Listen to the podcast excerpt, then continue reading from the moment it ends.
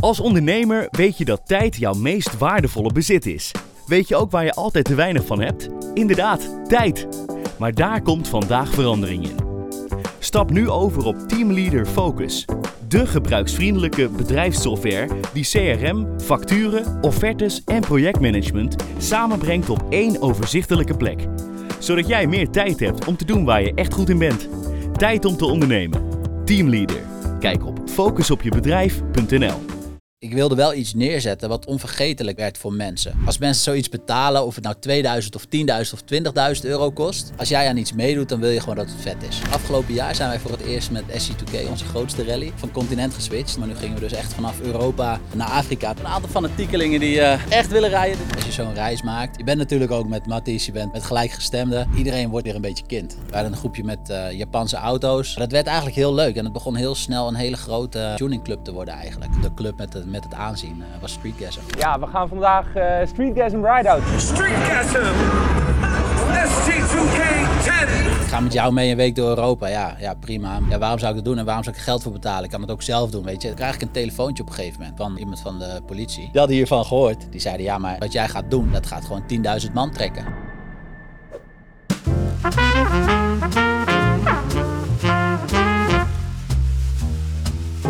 Maurice, welkom. Leuk dat je er bent. jij bent de oprichter van uh, Streetgasm. Een van de meest exclusieve carclubs van Nederland en misschien zelfs wel van Europa, durf ik te zeggen. Uh, jij organiseert ritten met Bugatti's, Lamborghinis, uh, Ferraris. Nou ja, elke supercar die je kunt bedenken, rijden jullie door Europa. Ik zag Afrika, de Emiraten. Jullie gaan overal naartoe. Ja, Dan ben ik heel benieuwd. Wat is nou het meest bizarre wat jij ooit meegemaakt hebt met Streetgasm? Want ik kan me voorstellen dat daar gekke dingen gebeuren. ja, ik heb zoveel. Ik kan een boek over schrijven. Dat geloof ik. Maar uh, ja, de gekste dingen. Ja, ik denk toch wel, uh, afgelopen jaar zijn wij voor het eerst met, uh, met SC2K, onze grootste rally, zijn we van continent geswitcht. We hebben natuurlijk de UAE al gedaan met een losse, losse tour, maar nu ja. gingen we dus echt vanaf Europa naar, naar Afrika, naar Marokko. Hmm. Ja, dat was, was echt insane, man. Dat was zo vet. Ja, ja. Want wat gebeurt er allemaal tijdens zo'n rit? Want je bent natuurlijk met veel mensen. Ik, ik zie het bijna een beetje voor me als een vakantie met vrienden. Nou, dan gebeuren altijd de gekste dingen, zeg maar. Dus hoe gaat dat allemaal uh, te werk? Ja, in principe... Uh, ja, we hebben dan uh, met de grootste rally... Dat, daar gingen we altijd met 120 supercars een week lang door Europa rijden. Mm. Ja, dat is gewoon madness. Je, als je in een stad aankomt nou, als je ergens met 10 sportauto's aankomt, is het natuurlijk al, uh, al ergens. Maar als je gewoon met 120 van die auto's aankomt, ja, je oont gewoon een stad. Ja. Dus uh, ja, dat is, dat is gewoon ultieme madness. En dan zijn we ook nog eens allemaal verkleed en gekke raps en uh, ja, ja. gasten met confetti en rookbommen af en toe. En, ja, dat is... Een grote gek. Ja, dat is wel gek. Dus onderweg, ja, er gebeurt van alles. Het is gewoon echt een week lang inderdaad dat je zegt, alsof je met een groep vrienden op vakantie bent. Maar dan keer tien. Ja, en ook wat daar allemaal gebeurd is, is keer tien dus eigenlijk. Ja, ja, ja, ja, nice. Hey, kan je je nog een moment herinneren, echt specifiek, dat jullie uh, ergens reden? Of dat jullie, want jullie gaan daarna volgens mij ook naar clubs, hotels of whatever. Echt iets wat je meemaakt met iemand dat je denkt, ik had nou niet verwacht dat ik dit ooit in mijn leven mee zou maken. ja, ook daar, uh, ook daar heb ik wel een aantal momentjes van. Ja, iets wat me zo, uh, zo bijstaat niet direct zonder iemand in. Uh, ja, ja, ja, ja, ja, Wat je kan vertellen, tenminste. maar ja, er, er, gebeuren echt gekke dingen. Je hebt gewoon ook, uh, ook mensen die normaal in het dagelijks leven gewoon een, uh, een super, een super, you know, rustig persoon zijn. Ja. En een, een mega verantwoordelijke job hebben. En uh, honderdman personeel. En die dan in een, in een pak daar in een pak daar binnenkomen. In een hotel. Gekke stunts uithalen. Champagne leeg spuiten. Zwembad ja, inspringen. Ja ja, weet je, bijna opgepakt worden omdat het niet de bedoeling was midden in de nacht, weet je wel. Ja, zulke gekke dingen maak je mee. Echt, uh, echt leuk. De jonge jongens komen weer los uh, in alle mannen die meegaan. Ja, dat is echt zo. Het is als je, als je zo'n reis maakt, je bent natuurlijk ook met, uh, met Matties, je bent, weet je, je bent met gelijkgestemden. Mhm. Ja, en iedereen wordt, een beetje, wordt weer een beetje kind. Ja. Dat is ook het leuke aan, uh, aan sportauto's natuurlijk. Ja, lachen man. En ik vind het ook wel mooi, wij bespreken natuurlijk ook veel ondernemers. Volgens mij zijn er ook een hoop ondernemers zijn lid bij jullie. Ja. En wat ik wel echt gemerkt heb bij ondernemers is dat ze super gedisciplineerd en, en vol structuur aan het werk zijn. Dat is ook wel heel erg omdat ze dan een bepaald laadje dicht doen. Ja. En in het weekend of op vrije momenten gaat er dan ineens een laadje open. En dan komt er een soort van halve psychopaat. Komt Ja. er Ja, man. Ja, Die helemaal van God losgaan. Dat eh, vind ik altijd wel leuk, dat contrast eh, om te zien. Dus ik kan me voorstellen dat je daar ook wel... eh, Ja, ik denk ook als je hard werkt, als je altijd hard werkt en de boog is altijd gespannen, dat ja, als je dan even ontspant, dan, eh, hard ontspannen. ja, dan moet je ook hard ontspannen, toch? Juist, moet je ook juist, Ja, maken. mooi man. Want het is ook, zeg maar, wat jij wilde zeggen, het is een vakantie. Het is even tussenuit, een weekje of een paar dagen. Ja. Met de auto, lekker hard racen. Dus dat is ook alweer, eh, zeg maar, wat vrij gevoel, de kick die je daaruit gaat krijgen. Altijd netjes volgens de speed limit natuurlijk. Ja, ja, sowieso. Ja, Dat is sowieso. Geen, geen keuren. Eh flitsmeister aan. Nee, en, eh, maar en het is ook zo, hè. Het zijn meestal, eh, volgens mij gaan ook de vrouwen en de kinderen en zo, die blijven wel thuis. Afhankelijk van welke rit. We hebben natuurlijk een Oh ja. heel uiteenlopend gamma aan, eh, aan, eh, aan reizen die we doen. Ja. De, de, ja, de meest aansprekende is die, is die grote natuurlijk, die Streetgasm 2000. Een beetje eh, à la Gumball-achtig. Ja. Ja. Komt er natuurlijk over. En daar, dat is wel meer een mannending. Ja. Maar we hebben ook echt reizen waar, eh, waar alleen maar koppeltjes meegaan. ja, En, Ja. eh, dat ook, ja. ja, en dat is dan wat minder zichtbaar, weet je. Want als, Ja. met die grote rit heb je natuurlijk allemaal influencers die mee zijn. En het wordt heel ruim uitgemeten. Veel media die erover, eh, die erover schrijft of eh, beelden van deelt. En eh, die kleinere rallies die zijn, die zijn wat meer onder de radar. En wat Ja. Bijna romantisch te noemen, weet je. Ja, Heel ja, gewoon- ja, ja, ja. romantische Ja, ja, getaway met de Lambo. ja, ja dat, is, dat is ook een kant die mensen hebben. En Ja. dat, eh, Ja. dat wordt vaak niet gezien als mensen aan supercars denken en, eh, en ritten. Dan denk je dus eigenlijk één op één aan, eh, aan waar we het net over hebben. Gelijk die grote rally en gekte en mannen die losgaan en Ja. weet je dat. Maar goed, er is ook een hele andere kant natuurlijk. Eet je door alle drukte in je onderneming ook te vaak ongezond? Met Fuel Your Body maaltijden eet je altijd snel, lekker en gezond. Hey Maurice, je doet dit nu al eh, een behoorlijke tijd. Eh, mensen kunnen het nu zien, wat ik zeg, met Bugatti's, Lamborghinis, de gekste auto's. Maar het is ooit heel anders begonnen. Ik stond Ja, daar best wel van te kijken toen ik dat eh, aan het researchen was en doen. Kun je ons een beetje meenemen in dat ontstaan van jouw passie voor auto's, maar ook hoe je dan eenmaal nou ja, wat bijeenkomsten gaat organiseren en wat daaruit voortkomt? Ja, zeker. Ja, het is wel, eh, wel leuk. Ik, eh, ik was vroeger natuurlijk al autogek. En toen, eh, ik heb de IVA gedaan uiteindelijk. Omdat ik iets met auto's wilde gaan doen. Ik wist natuurlijk helemaal niet wat. Je bent dan jong en, en je gaat de kant op. Maar goed, toffe auto's. ja, dan moest je bij de IVA zijn natuurlijk. Dus Ja. ik ging daar naartoe. Uiteindelijk, toen was ik nog niet eens 18. Rijbewijsje gehaald en toen uiteindelijk eerste auto kopen. Ik weet nog heel goed, mijn eerste auto was een Opel Calibra. Ja. Dat was toen natuurlijk eh, de coupé die, eh, die je moest hebben als je jong was. En eh, ja, uiteindelijk op de IVA een hele leuke tijd gehad. Dan raak je een beetje met auto's, je bent een beetje met auto's bezig, zelf sleutelen en, en noem het op. En dan ja, in het dorp, ik woonde in Wijk Beduurstede. Daar waren dan de, de stoere guys, die hadden dan GSI'tjes, weet je. Dat was Ja, echt in die, in die tijd. En eh, nou, uiteindelijk kreeg ik een liefde voor Japanse auto's. Dus ik was, ik kocht toen op een gegeven moment mijn eerste Subaru, zo'n GT Turbo. Een groene. Eigenlijk een spuuglelijke kleur. Was ook een hele lelijke auto toen ik bekocht. Maar eh, ja, daar begonnen we altijd een beetje zelf aan te sleutelen. En dan op een gegeven moment krijg je, krijg je vrienden die dat ook doen. En je had toen nog, eh, ja, we hadden niet echt social media. Dus was de tijd van de forums. Dus je een Subaru forum en eh, weet je, dat soort, dat soort dingetjes. En dan kwam je in één keer in aanraking met andere guys die ook dat soort auto's hadden. En eh, nou, dan ging je dan eh, opscheppen als je een nieuwe spoiler op je auto had. Of eh, een nieuwe dumpvalve of een uitlaat. Ja. Nou, en zo ging dat een beetje. Zo ging dat een beetje. En op een gegeven moment dan heb je best wel een groepje mensen om je heen. Die dezelfde hobby delen eigenlijk. Ehm, eigenlijk hetzelfde wat we nu hebben. En die dan, ja, daar ging je mee afspreken. Dus dan waren er meetings. Nou, dat was een Subaru meeting. En dan ging je 400 kilometer rijden om daar op een parkeerplaats te staan. En dan, ja, naar elkaars auto te kijken. Echt Ja, letterlijk dat. Ja, ja, ja. En nou, ik vond dat wel heel tof. En eh, daar raakte ik echt een beetje mee, eh, mee besmet. En op een gegeven moment toen eh, hadden wij altijd bij de McDonald's in Veenendaal. Daar ja, organiseerden wij illegale straatraces. En nou, dat was een groepje toen die dat, die dat daar deed. En daar kwam ik mee in aanraking. En dan ging ik daar op zaterdagavond af en toe naartoe. Ja, fucking leuk. Echt, dat was, gingen we met 300 auto's en dan sprintjes trekken ergens op een industrieterrein totdat de politie kwam. En dan Ja, was het ja, weer klaar, zeg maar. En eh, nou, op een gegeven moment werd dat echt een verslaving. En toen kwam ik eh, ja, zo erg in die groep terecht dat op een gegeven moment mee aan het organiseren was. En dat we echt dat, eh, dat met, een, met een klein groepje ja, vaste prik organiseerden. En het werd steeds gekker. Op een gegeven moment gingen we naar de Maasvlakte. En ja, de auto's werden ook steeds gekker. Van een Subaru werd het een Evootje en een Supra en al die Japanse dingen bij elkaar. Ja. En ja, we gingen dan gewoon op zaterdagavond gingen we, gingen we racen. Dat was eigenlijk waar je de hele week naartoe leefde. De hele week je autootje klaarmaken. En nou, dan op zaterdagavond was het moment, zeg maar. Nice. Ja, en daarnaast gingen we dan naar, naar van die tuningbeurzen en tuningshows. Mhm. En dan gingen we een beetje inspiratie opdoen. En eh, ja, weer onderdeeltje kopen voor je auto. Het was echt, Ja. dat was echt dat. Mooi. Hele leuke tijd. Alleen eh, ja, op een gegeven moment werd dat natuurlijk steeds meer uitgemeten in het, eh, in het nieuws. Die film Fast and the Furious had je toen natuurlijk ook, het Ja. eerste Mooi. deel. Ja, iedereen was daar natuurlijk helemaal gek van. Het, het moest allemaal een beetje daarop lijken ook. eh. Mhm. Dus dat was wel leuk. Alleen ja, op een gegeven moment werd dat steeds meer uitgemeten, dat straatrace. En eh, ja, ik zat op de IVA en kwam toen een keertje in eh, Undercover in Nederland, eh, toen dat helemaal in het begin was. Ja, toen was Jij je, kwam? Ja, toen waren we ineens op tv met, met zo'n aflevering. Ja, toen mocht ik even niet meer op school komen natuurlijk. ja, dat was niet handig.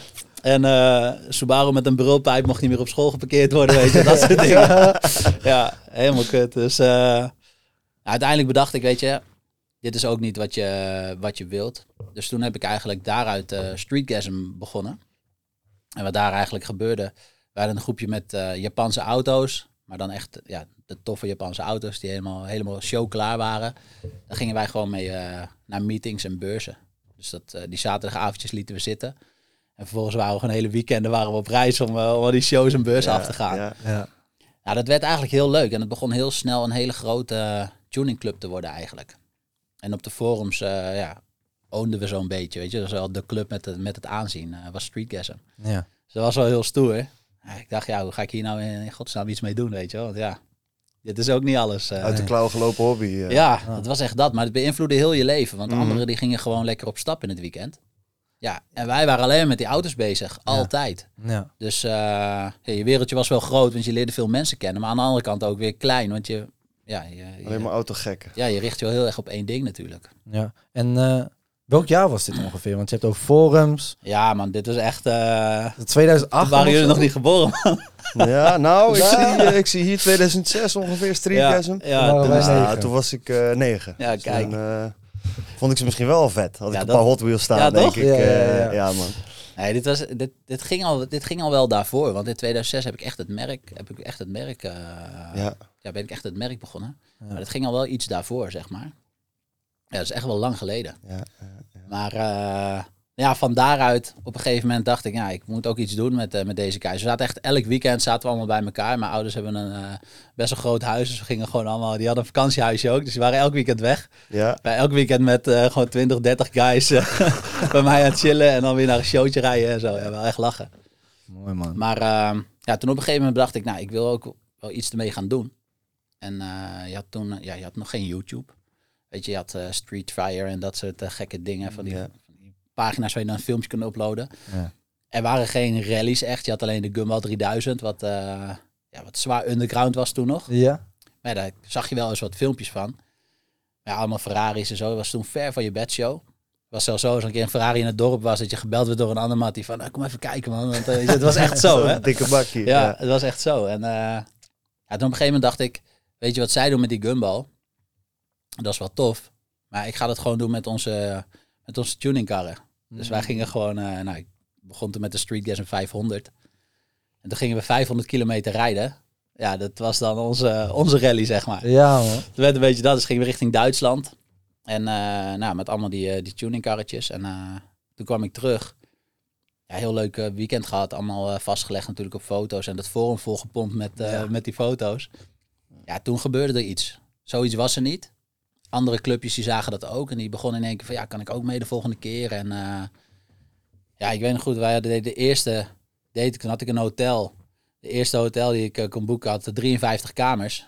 Ja, dat is zat joh, want zoveel red ik er nooit. Ja, dat was na een maand was dat, eh, was dat vol in het tweede jaar. Want we hadden al die forums volgegooid en keer begon iedereen te berichten van ja, wij willen ook mee. En ik heb ook een, een Skyline of een Evo en ik wil ook mee. En ja, toen heb ik, eh, had ik 53 plekjes uitverkocht. Kon niet meer, omdat we dus dat hotel, eh, dat hotel ja. beperkten. Mooi. Ik dacht gewoon man, als dit lukt, weet je, en we kunnen dit doorzetten en eh, ik kan daar iets, eh, iets groters van maken. Mhm. Dat is misschien wel heel tof. Dus na, na dat jaar, eh, allemaal magazines hadden we toen nog, die schreven erover en zo. Toen eh, op een gegeven moment kocht ik mijn eerste Porsche. Dat was altijd mijn droom om voor mijn dertigste een, eh, een Porsche Ja. te hebben. Ja, de eerste die ik kocht was een 997 Turbo, een handgeschakelde. Ja. Die, eh, die kocht ik. En eh, ja, toen in één kreeg ik ook allemaal gasten met Porsches en Ferraris die eh, zich Mm. begonnen te melden. Ja. Ja, en toen ging het eigenlijk snel. Dus de volgende rally werd toen de Street Gas in 2000 en dat ging, ja, dat ging in één keer los. Hoe snel wordt dat al echt een bedrijf? Bij die eerste keer hè, dat je 53, hoeveel betalen mensen dan om mee te doen? En is het dan nog een hobby of is het al echt wel een bedrijf? Die eerste keer was eigenlijk hobby. Dus met dat clubje was het echt hobby. De tweede keer deed ik het gewoon om kosten te dekken. Ik dacht, ja, ik moet gewoon, eh, als ik mijn eigen benzine maar betaald heb, dan vind ik het prima. Ja, wel echt ja, zo. ja. En daarna begon ik te denken van ja, ik kan hier natuurlijk gewoon, eh, ik kan hier natuurlijk geld aan verdienen. Dus eh, nou, toen zet ik er een klein beetje winst op. Toen dacht ik, ja, dan hou ik ook wat over en dan, eh, dan is het leuk. Nou ja, uiteindelijk ben je, ben je met zo'n rally ben je best wel lang bezig. Helemaal als je dat alleen doet, eh, gewoon naast je werk. Ja. En je forumpje runnen en weet je. eh, dat werd op een gegeven moment wel veel. Dus ik denk dat het na drie jaar ongeveer, toen liep ik een beetje vast. Ik dacht, ja shit man, als ik dit, eh, als ik dit weer moet gaan doen volgend jaar, dan ben ik er zoveel tijd mee bezig. En ik wil het ook goed doen, want je wilt ook echt dat mensen gewoon een eh, ultieme experience hebben. Ja. Ja, dan moet ik eigenlijk eh, of parttime gaan werken of eh, ja, ik moet iets anders verzinnen. Maar het, het is ook niet zo dat je daar gelijk een salaris mee kon betalen. Nee, nee. Dus ik kwam wel een beetje in dubio. En toen had ik gelukkig een hele chille baas toen. Die, eh, die zei van, eh, nou weet je wat, ik betaal je drie maandjes door. En eh, ga jij je droom maar eh, najagen. Ja. Wel echt bizar Wat voor baas doet mega vet. Ja, dat, was- dat, was, dat Ja. was eigenlijk onwerkelijk. Ik, Ja, dacht ook echt, wa- waarom doe je dit? En wat, eh, weet je, Ja. maar uiteindelijk nu, nu je zelf ook een baas bent, zeg Ja, maar, en, ja. en, en eh, werknemers hebt, dan als iemand zoiets doet, een jong iemand die, die zo gedreven is, ja, dat is- dan snap je dat misschien ook wel. Ja. Ja. Dus eh, nou, hij gaf me drie maandjes salaris mee. Ik dacht, hey, dat is chill man. Nu kan ik drie maanden lang kan ik gewoon, eh, gewoon focus op, eh, op die rally. Ik deed toen alles zelf, weet je. Maakte gewoon in Word, maakte ik routeboekjes. En ja, dat printte je uit. Dus bij mijn ouders op de zaak printen, multimapjes laten bedrukken, alles er zelf Ja, in doen, weet ja. je wel. Echt, echt alles. En ja, daarna dacht ik, oké, nou staat die rally. Ik ga het verkopen. Ik ga ook sponsors zoeken. Nou, toen vond ik de eerste sponsors. Toen dacht ik, ja, weet je, er zit best wel wat in. Dus eh, ja, toen besloot ik eigenlijk dat ik gewoon de stap waagde en eh, stopte met werken. En dit ging doen. Ja. Ja. Nice. Ja, dan heb je de eerste paar jaar heb je het even, heb je het even taai, zeg maar. Ja. Maar ja, uiteindelijk, ik, eh, ik had ook niet heel veel kosten. En in het begin woonde ik thuis, weet je wel. Dus ik kon, ik kon best wel, eh, ja, ik, ik kwam gewoon uit. En ik dacht, als ik mijn autootje maar rijdend heb en ik eh, kan mijn dingetje doen, vind ik het best. Autorijden is belangrijk. Dat was voor mij echt wel, echt wel het belangrijkste. Ja, ja, ja. Hey, op welk moment koop je dan die eerste Porsche? Komt dat Nou, daar vlak daarna of wanneer is dat ongeveer? Nee, ik had, eh, ik had altijd best wel bijzondere auto's. Ja? En eh nou, autootje opknappen, een beetje verkopen en zo. Dus je, je, je kon best wel, eh, je kon best wel wat, eh, wat doen. Beetje hulp van mijn ouders met de eerste, met de eerste autootjes ja. ook natuurlijk. Dus ja, op het moment dat ik, die, dat ik die Porsche kocht, ja, toen had ik wel een beetje spaargeld. Maar dat was ook echt alles. Eh, alles ging in die auto. En eh, ja, zo leefde ik ook een beetje. Alles draaide echt om de auto. Ja. Ja, verder deed ik ook eigenlijk niet veel. Ik ging niet op stap of eh, weet ik veel wat. Het was autorijden. Ja, ja. Dus, echt een obsessie. ja.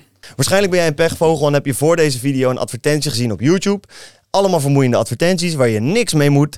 En dat kun je voorkomen met YouTube Premium. Maar YouTube Premium is deze dagen belachelijk duur. Want Koen, hoeveel betaal jij nu per maand voor? Veel te veel. Denk ik 12 euro. Juist, 12 euro. Nou, dat is ongeveer ook wat ik opgezocht heb. Maar gelukkig door de sponsor van deze aflevering, NordVPN, hoeft dat niet meer. Want met NordVPN kun jij je IP-locatie veranderen naar bijvoorbeeld Turkije. Daar zet je hem heen, daar open je YouTube. Daar sluit je een YouTube Premium account af. En dan ben je ineens maar 2, 3 of 4 euro per maand kwijt in plaats van 12 euro. Ik betaal zelfs 1,50 euro.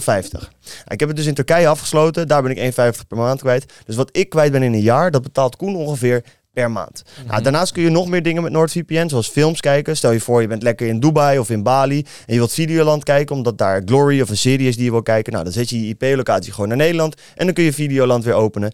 Of wil jij op Netflix films kijken die alleen in Canada beschikbaar zijn of in Japan, zet je locatie naar die landen en kijk alle films die ze daar hebben.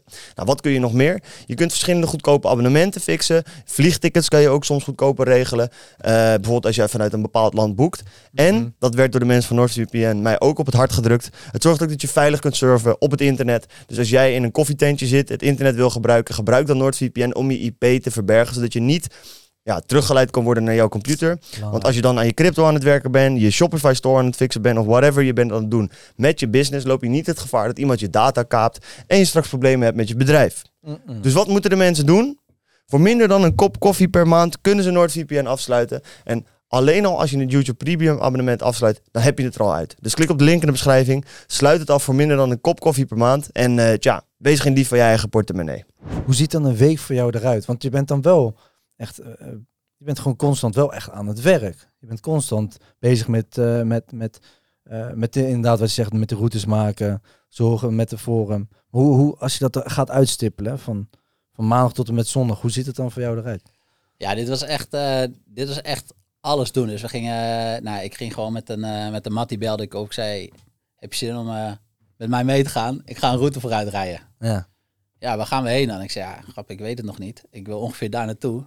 En ja, we gaan gewoon kijken. Nou, dat is cool. Hè? Dan ging, ging een vriend mee bijvoorbeeld. Dan gingen wij een route vooruit rijden. En dan leende ik een auto. Of weet je, ik had zelf ook nog een, nog een dailytje eigenlijk. Een oude autootje. En dan gingen we gewoon rijden. En had ik mijn broertje thuis zitten. Die, eh, die eh, zat dan op Google. Of, of eh, toen de zoekmachines boekingen zo zitten te kijken. Ging die hotels zoeken. Als ik een beetje moe was, belde ik hem op. Ja, waar kunnen we nou ongeveer naartoe, joh? Het, eh, zit er wat? Nou, dan gingen we even kijken. En dan, soms reden we ook gewoon, dan reden we naar een hotel toe. Werden we uitgelachen, weet je wel. Van ja, wat, wat kon jij nou doen? Of weet je, echt dat. Ja, ja, ja. Nou, en dan als ik dan, als ik dan thuis was, had ik een beetje een route. En dan ging ik dat allemaal een beetje proberen te regelen. Maar je bent jong en je, je, je gaat naar een hotel toe en zegt ja, eh, jij wil komen met eh 50 of 70 of, of 100 kamers. Die, die neem je helemaal niet serieus natuurlijk. Nee. En als je nu terugkijkt, dan snap je dat als je daar als jong ventje komt eh, met je oude auto. En eh, weet je, dan, Mhm. dan begrijp je dat. Maar toen de tijd dacht ik, ja, hoe kan dat nou? Waarom nemen ze mij nou niet serieus? Ja, ik zag het het nou wel. aan? Ja, ik zag het wel. Ja, dan had ik dat allemaal gedaan. En dan door de week was ik, was ik bezig met die route finalizen. En, eh, ja, boekjes schrijven. Partners bezoeken, weet je. Kijk, proberen om sponsors te krijgen. Ja. Hele dagen bedrijven bellen. Heel veel afgewezen toen natuurlijk. Maar ja, niemand Uiteraard. kende het. En Ja. ja. ja, wat ga jij nou doen? Weet je, echt dat. Ja, ja, ja.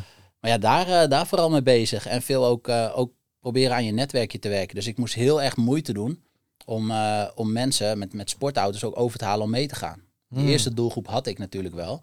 Eh, dus die Japanse auto's en zo had ik op een gegeven moment. Maar als je je prijs gaat verhogen, verandert natuurlijk ook je doelgroep. Ja. En daar heeft heel veel tijd in gezeten om echt mensen, ja, mensen te overtuigen om mee te gaan. ja. Kijk, als je zelf op een gegeven moment die Porsche hebt, dan is het wel iets makkelijker om iemand die ook zo'n auto heeft mee te krijgen. Maar alsnog, je moest lullen als brugman af en toe om, eh om guys over te halen. Van, ja, want ik ga met jou mee een week door Europa. Ja, ja prima, maar eh, Waarom zou ik dat doen? ja, waarom zou ik dat doen en waarom zou ik er geld voor betalen? Ik kan het ook zelf doen, weet je. Echt, Ja. echt dat Ja. soort dingen in het begin. Ja, snap ik wel. Dat was best wel moeilijk. Ja. Dus daar heeft heel veel tijd in gezeten. Mm. En, En, eh, en als je bijvoorbeeld kijkt naar de, eh, je zegt ook, ging op zoek naar sponsoren. Wat was dan je eerste sponsor? mijn eerste sponsor, dat was eh eh, Smartwax. Ja. En eh, die kende ik van, de van de tuning showtjes waar we stonden, zeg maar. Ja. En ik dacht, oké, als ik ga beginnen, ja, dan moet ik natuurlijk eh, mensen houden van een auto poetsen en zo. Dan ga ik, eh, ja, dan ga ik zo een partner zoeken. Wactie. Ja, en Ja. even met eh poetsspulletjes en zo. Ja, wel heel leuk. En die gingen toen, dat weet ik nog, die gingen tasjes maken voor ons. Voor elke auto maakten ze een eh, gepersonaliseerd tasje met poetsspullen. Echt? Ja, en die, eh, die kregen ze dan aan de start van, eh, van die rally. Dus dat was wel leuk. En ja, dat soort partijen ja, kon je makkelijker mee schakelen, zeg maar. Ja. Ja. Alleen op een gegeven moment heb je natuurlijk grotere partners nodig. Ja, en dat, dat was echt moeilijk. Ja, dan moet je echt geld krijgen. Ja, en het was ook heel moeilijk om, om grote namen aan, aan zoiets te hangen. Want uiteindelijk, weet je, nu is het allemaal wat geaccepteerder. Hè? Een sportauto en eh, weet ik veel. Nu is er heel veel bekendheid en alles is zichtbaar. Toen de tijd waren dingen gewoon niet, niet heel zichtbaar. Niet iedereen had een smartphone. Niet alles stond Nee. op YouTube of eh, weet je, Facebook. Ik weet nog, dat was in de tijd van Hives en zo. Dat, dat is heel, Ja. heel anders. Ja. Dus eh, het was veel moeilijker om mensen ook te overtuigen wat dat kon brengen. Ja, en grote, grote partnerships, dat was, ja, dat was het allermoeilijkste wat je kon, wat je kon doen. Dus in het begin heel veel kleine partijtjes eh, aanhaken. ja. En eh, ja, Langzaam erin groeien Ja. eh, over tijd. Was dan het verschil tussen een kleine partner en een grote partner? Is dat bijvoorbeeld... eh, ik, ik heb geen flauw idee, maar vraag je dan 500 euro voor, voor zoiets? Of is 100 euro veel? Of zoek je dan naar nog meer? nou ja, in het begin was je natuurlijk blij met 500 euro. Ja. Ja. Weet je, die, eerste, die eerste twee, drie jaar eh, was dat meegenomen. Want je hoefde daar ook verder niks, niks mee te doen. Dat was allemaal bonus. Ja. Maar als je uiteindelijk daar je, je werk van wil gaan maken, ja, dan moet je jezelf op een gegeven moment een salaris gaan uitkeren. Ja. Ja, dus, niet van 500 euro. nee, dat kan niet van 500 euro. Dus je moest wel echt meer gaan vragen. En als je dan een paar duizend euro gaat vragen, of 10.000 euro of 20.000 euro, Ja. ja, dat wordt steeds moeilijker om te verkopen natuurlijk. Ja. En eh, ja, ik had wel IVA gedaan. Kon wel een beetje verkopen natuurlijk. Maar je moet ook eh, wel met feiten komen. Ja. En eh, ja, op een gegeven moment met nummertjes. Ja, wat bereik je dan? En, en eh, ja, dat was wel moeilijk. Ja. Je, helemaal als je alles zelf doet. Ja. Dat was wel lastig. Maar ja, goed, dan is op een gegeven moment komt er een omslagpunt. En dan, toen kregen we wat meer bekendheid met Streetgasm. En eh, ik had eigenlijk alleen die rally toen nog. Kregen we wat meer bekendheid, meer zichtbaarheid, weet je, wat meer media-aandacht. Een paar bekende guys die meegingen. En eh, weet nog, toen gingen die gasten van Game Kings een keer mee en zo. Dat was helemaal ja, ding. ja, ja, dat Ja, wel way Ja. de shit. Ja, en toen, eh, toen begon het een beetje. En ja, kijk nu, eh hedendaagse tijd, benaderen sponsors Streetgasm. ja, Precies kunnen doen. Maar toen, je moest echt, eh, echt jagen, man. grinden, ja. En echt, Hey. eh, ja. Hoe ging je die business ontwikkelen? Want daar ben ik heel benieuwd naar. Ik zat ook naar Streetgasm te kijken en ik dacht, Mhm. van, ja, ik vind het interessant om dat wat meer te ontdekken. Dus je zegt in het begin, nou, je gaat zo'n eh, zo'n rit ga je organiseren. Nou, daar vraag je dan wat geld voor, dat wordt op een gegeven moment wat meer. Dan ga je partners aansluiten. Kun je ons een beetje meenemen in hoe dat ontwikkeld is? Eigenlijk jij als ondernemer die dan dat bedrijf van een hobby naar echt Mhm. een business gaat bouwen. Ja, je- inderdaad, je begint... eh, ik begon dus met die ene rally die we hadden, die Streetgasm 2000. Op een gegeven moment heb je daar een paar, eh, een paar sponsoren bij. Ja, dat zet nog niet echt zo aan de dijk. Nee. Je, kan, je, kan, je kan dan leven. maar goed, je moet dan uiteindelijk moet je gaan bedenken... hoe ga ik hier iets groters mee doen natuurlijk. En ik weet nog op een moment dat ik... eh, toen kreeg ik een groepje, een groepje rijders die, eh, die wel eens met, eh, met een andere rally meereden. Met de Quote Challenge deden die mee en zo. Dat was natuurlijk veel duurder. En eh, mijn rally was eigenlijk heel goedkoop. En een van die guys zei letterlijk tegen mij... Ja, ik schrijf wel even bij je in. Ik neem een paar andere jongens mee met toffe karren. En als het niks is, weet je, heb jij in ieder geval de routes uitgestippeld. Als de hotels kut zijn, boeken we wel iets anders. Dat was echt, echt zo, ja, echt, echt gestoord. Maar ja, daar kwam een groepje rijders uit. Ja. Dan nog vier, vijf. En eh, ja, die hadden ervaring, weet je. Die, hebben, die hadden al een keer zoiets gedaan. En eh, die kwamen eigenlijk na die rally met hele toffe feedback. En die waren helemaal omvergeblazen. Dus die zeiden, nou, volgend jaar nemen we meer van dat soort guys mee. Ja, Nou, dat was wel een omslagpunt. Alleen daarnaast vroegen zij op een gegeven moment van ja, waarom doe jij dit maar één keer per jaar eigenlijk? Want je kan toch ook gewoon een keer een, eh, een korte ritje doen naar de Alpen of zo. Wij hebben wel een paar gasten die, ja, die ook meegaan als je zoiets organiseert. Ik dacht, ja shit man, ik, weet je, die ene rally organiseren vind ik al best wel spannend. ja, Maar ja, waarom ook niet? Als jullie een paar gasten hebben, weet je wel, dan oh, zet ik het ritje wel op. ja. Eigenlijk ging het zo. Dus nou ja, dan heb je in één keer twee ritjes. En vanaf dan, dan eh, ja, moet je eigenlijk gaan, eh, gaan denken van, eh, van twee kunnen er misschien ook drie worden. Ja. Of, of vier worden. Ja, dus dat ging ook een beetje zo. En uiteindelijk dacht ik, ja, ik trek het eigenlijk ook soort van niet meer alleen. Want als je dit alleen iedere keer moet doen, dan, ja, dan loop je ook over. Het werkt niet. Dus eh, nee, dus eh, toen echt, eh, inmiddels al negen jaar geleden of zo, eh Jordi die was bij mij fotograaf altijd in de tuningclub. Dus ik had ooit gezegd, nou ja, weet je, als ik personeel aanneem, met een lachend gezicht toen, maar dat had ik nooit verwacht dat het gebeurde, Ja, dan bel ik je wel even. Nou, uiteindelijk, hij was fotograaf, hielp me al een beetje links en rechts. En toen zei ik, nou weet je, het moment komt dat er gewoon... kunnen gaan vlammen. ja, dat er gaan vlammen. En ik zat toen, mijn ouders hadden, hadden een bedrijf, dus ik had daar altijd een kantoortje gehad eh, in Veenendaal. Nou, Jordi die woonde in Haarlem. Dus ik zei, nou weet je, ik eh, zoek wel een kantoortje in het eh, midden ongeveer. Dan hoef jij niet zo ver te rijden. En dan, ja, dan kun je voor me komen werken. Ja, ja. Dus hij zei, nou ja, is goed man. Dus ik zei, top. Dan had ik een, een vriend, die had een kantoortje in Utrecht. Daar konden wij, daar konden we gaan zitten. Nou, dus daar eigenlijk ja, een soort zolderkamertje omgebouwd tot kantoor. Juist. Met allemaal geleende spullen. mooi. En eh, ja, toen zaten we ineens daar. Ja, dan zit je in één keer met twee man zit je op kantoor. En je hebt je rally staan. Ja, dan denk je, ja, wat gaan we nou in godsnaam de hele week doen? Echt dat. ja, joh. Ja, en toen ja, brainstormen, bedenken. En toen dacht ik op een gegeven moment, ik kan beter ook een soort lidmaatschapje naar aan gaan hangen. Want dan heb ik ook die mensen, dan heb ik engagement. Dus heb ik, Ja. die mensen zijn ook een beetje aan mij gebonden. Ja. En eh, ja, dan ga je eigenlijk, dan, ja, dan ga je eigenlijk je bedrijf bouwen. En eh, toen ben ik met lidmaatschappen begonnen. Van één ritje erbij, werden twee ritjes erbij en drie erbij. En eh, toen had ik een keer een champagnepartner. Dacht ik, nou weet je, kom maar naar jullie toe, ik maak er ook een rally van. Want eigenlijk is in mijn vak is natuurlijk alles. Er zijn zoveel leuke dingen. En overal kun je een thema aan, aan hangen. Ja.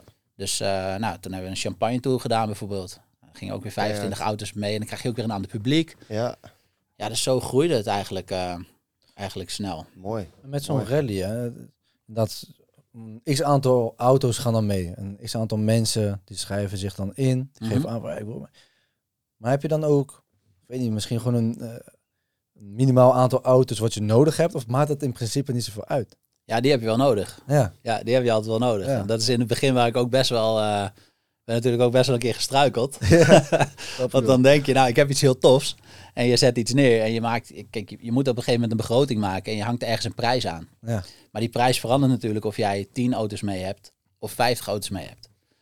Ik bedoel, als jij eh, 50 keer marge hebt, nou, dat hoef ik jullie niet uit te leggen. Ja, Dus, eh, maar ja, als je dat maar 10 keer hebt, dan wordt het spannend.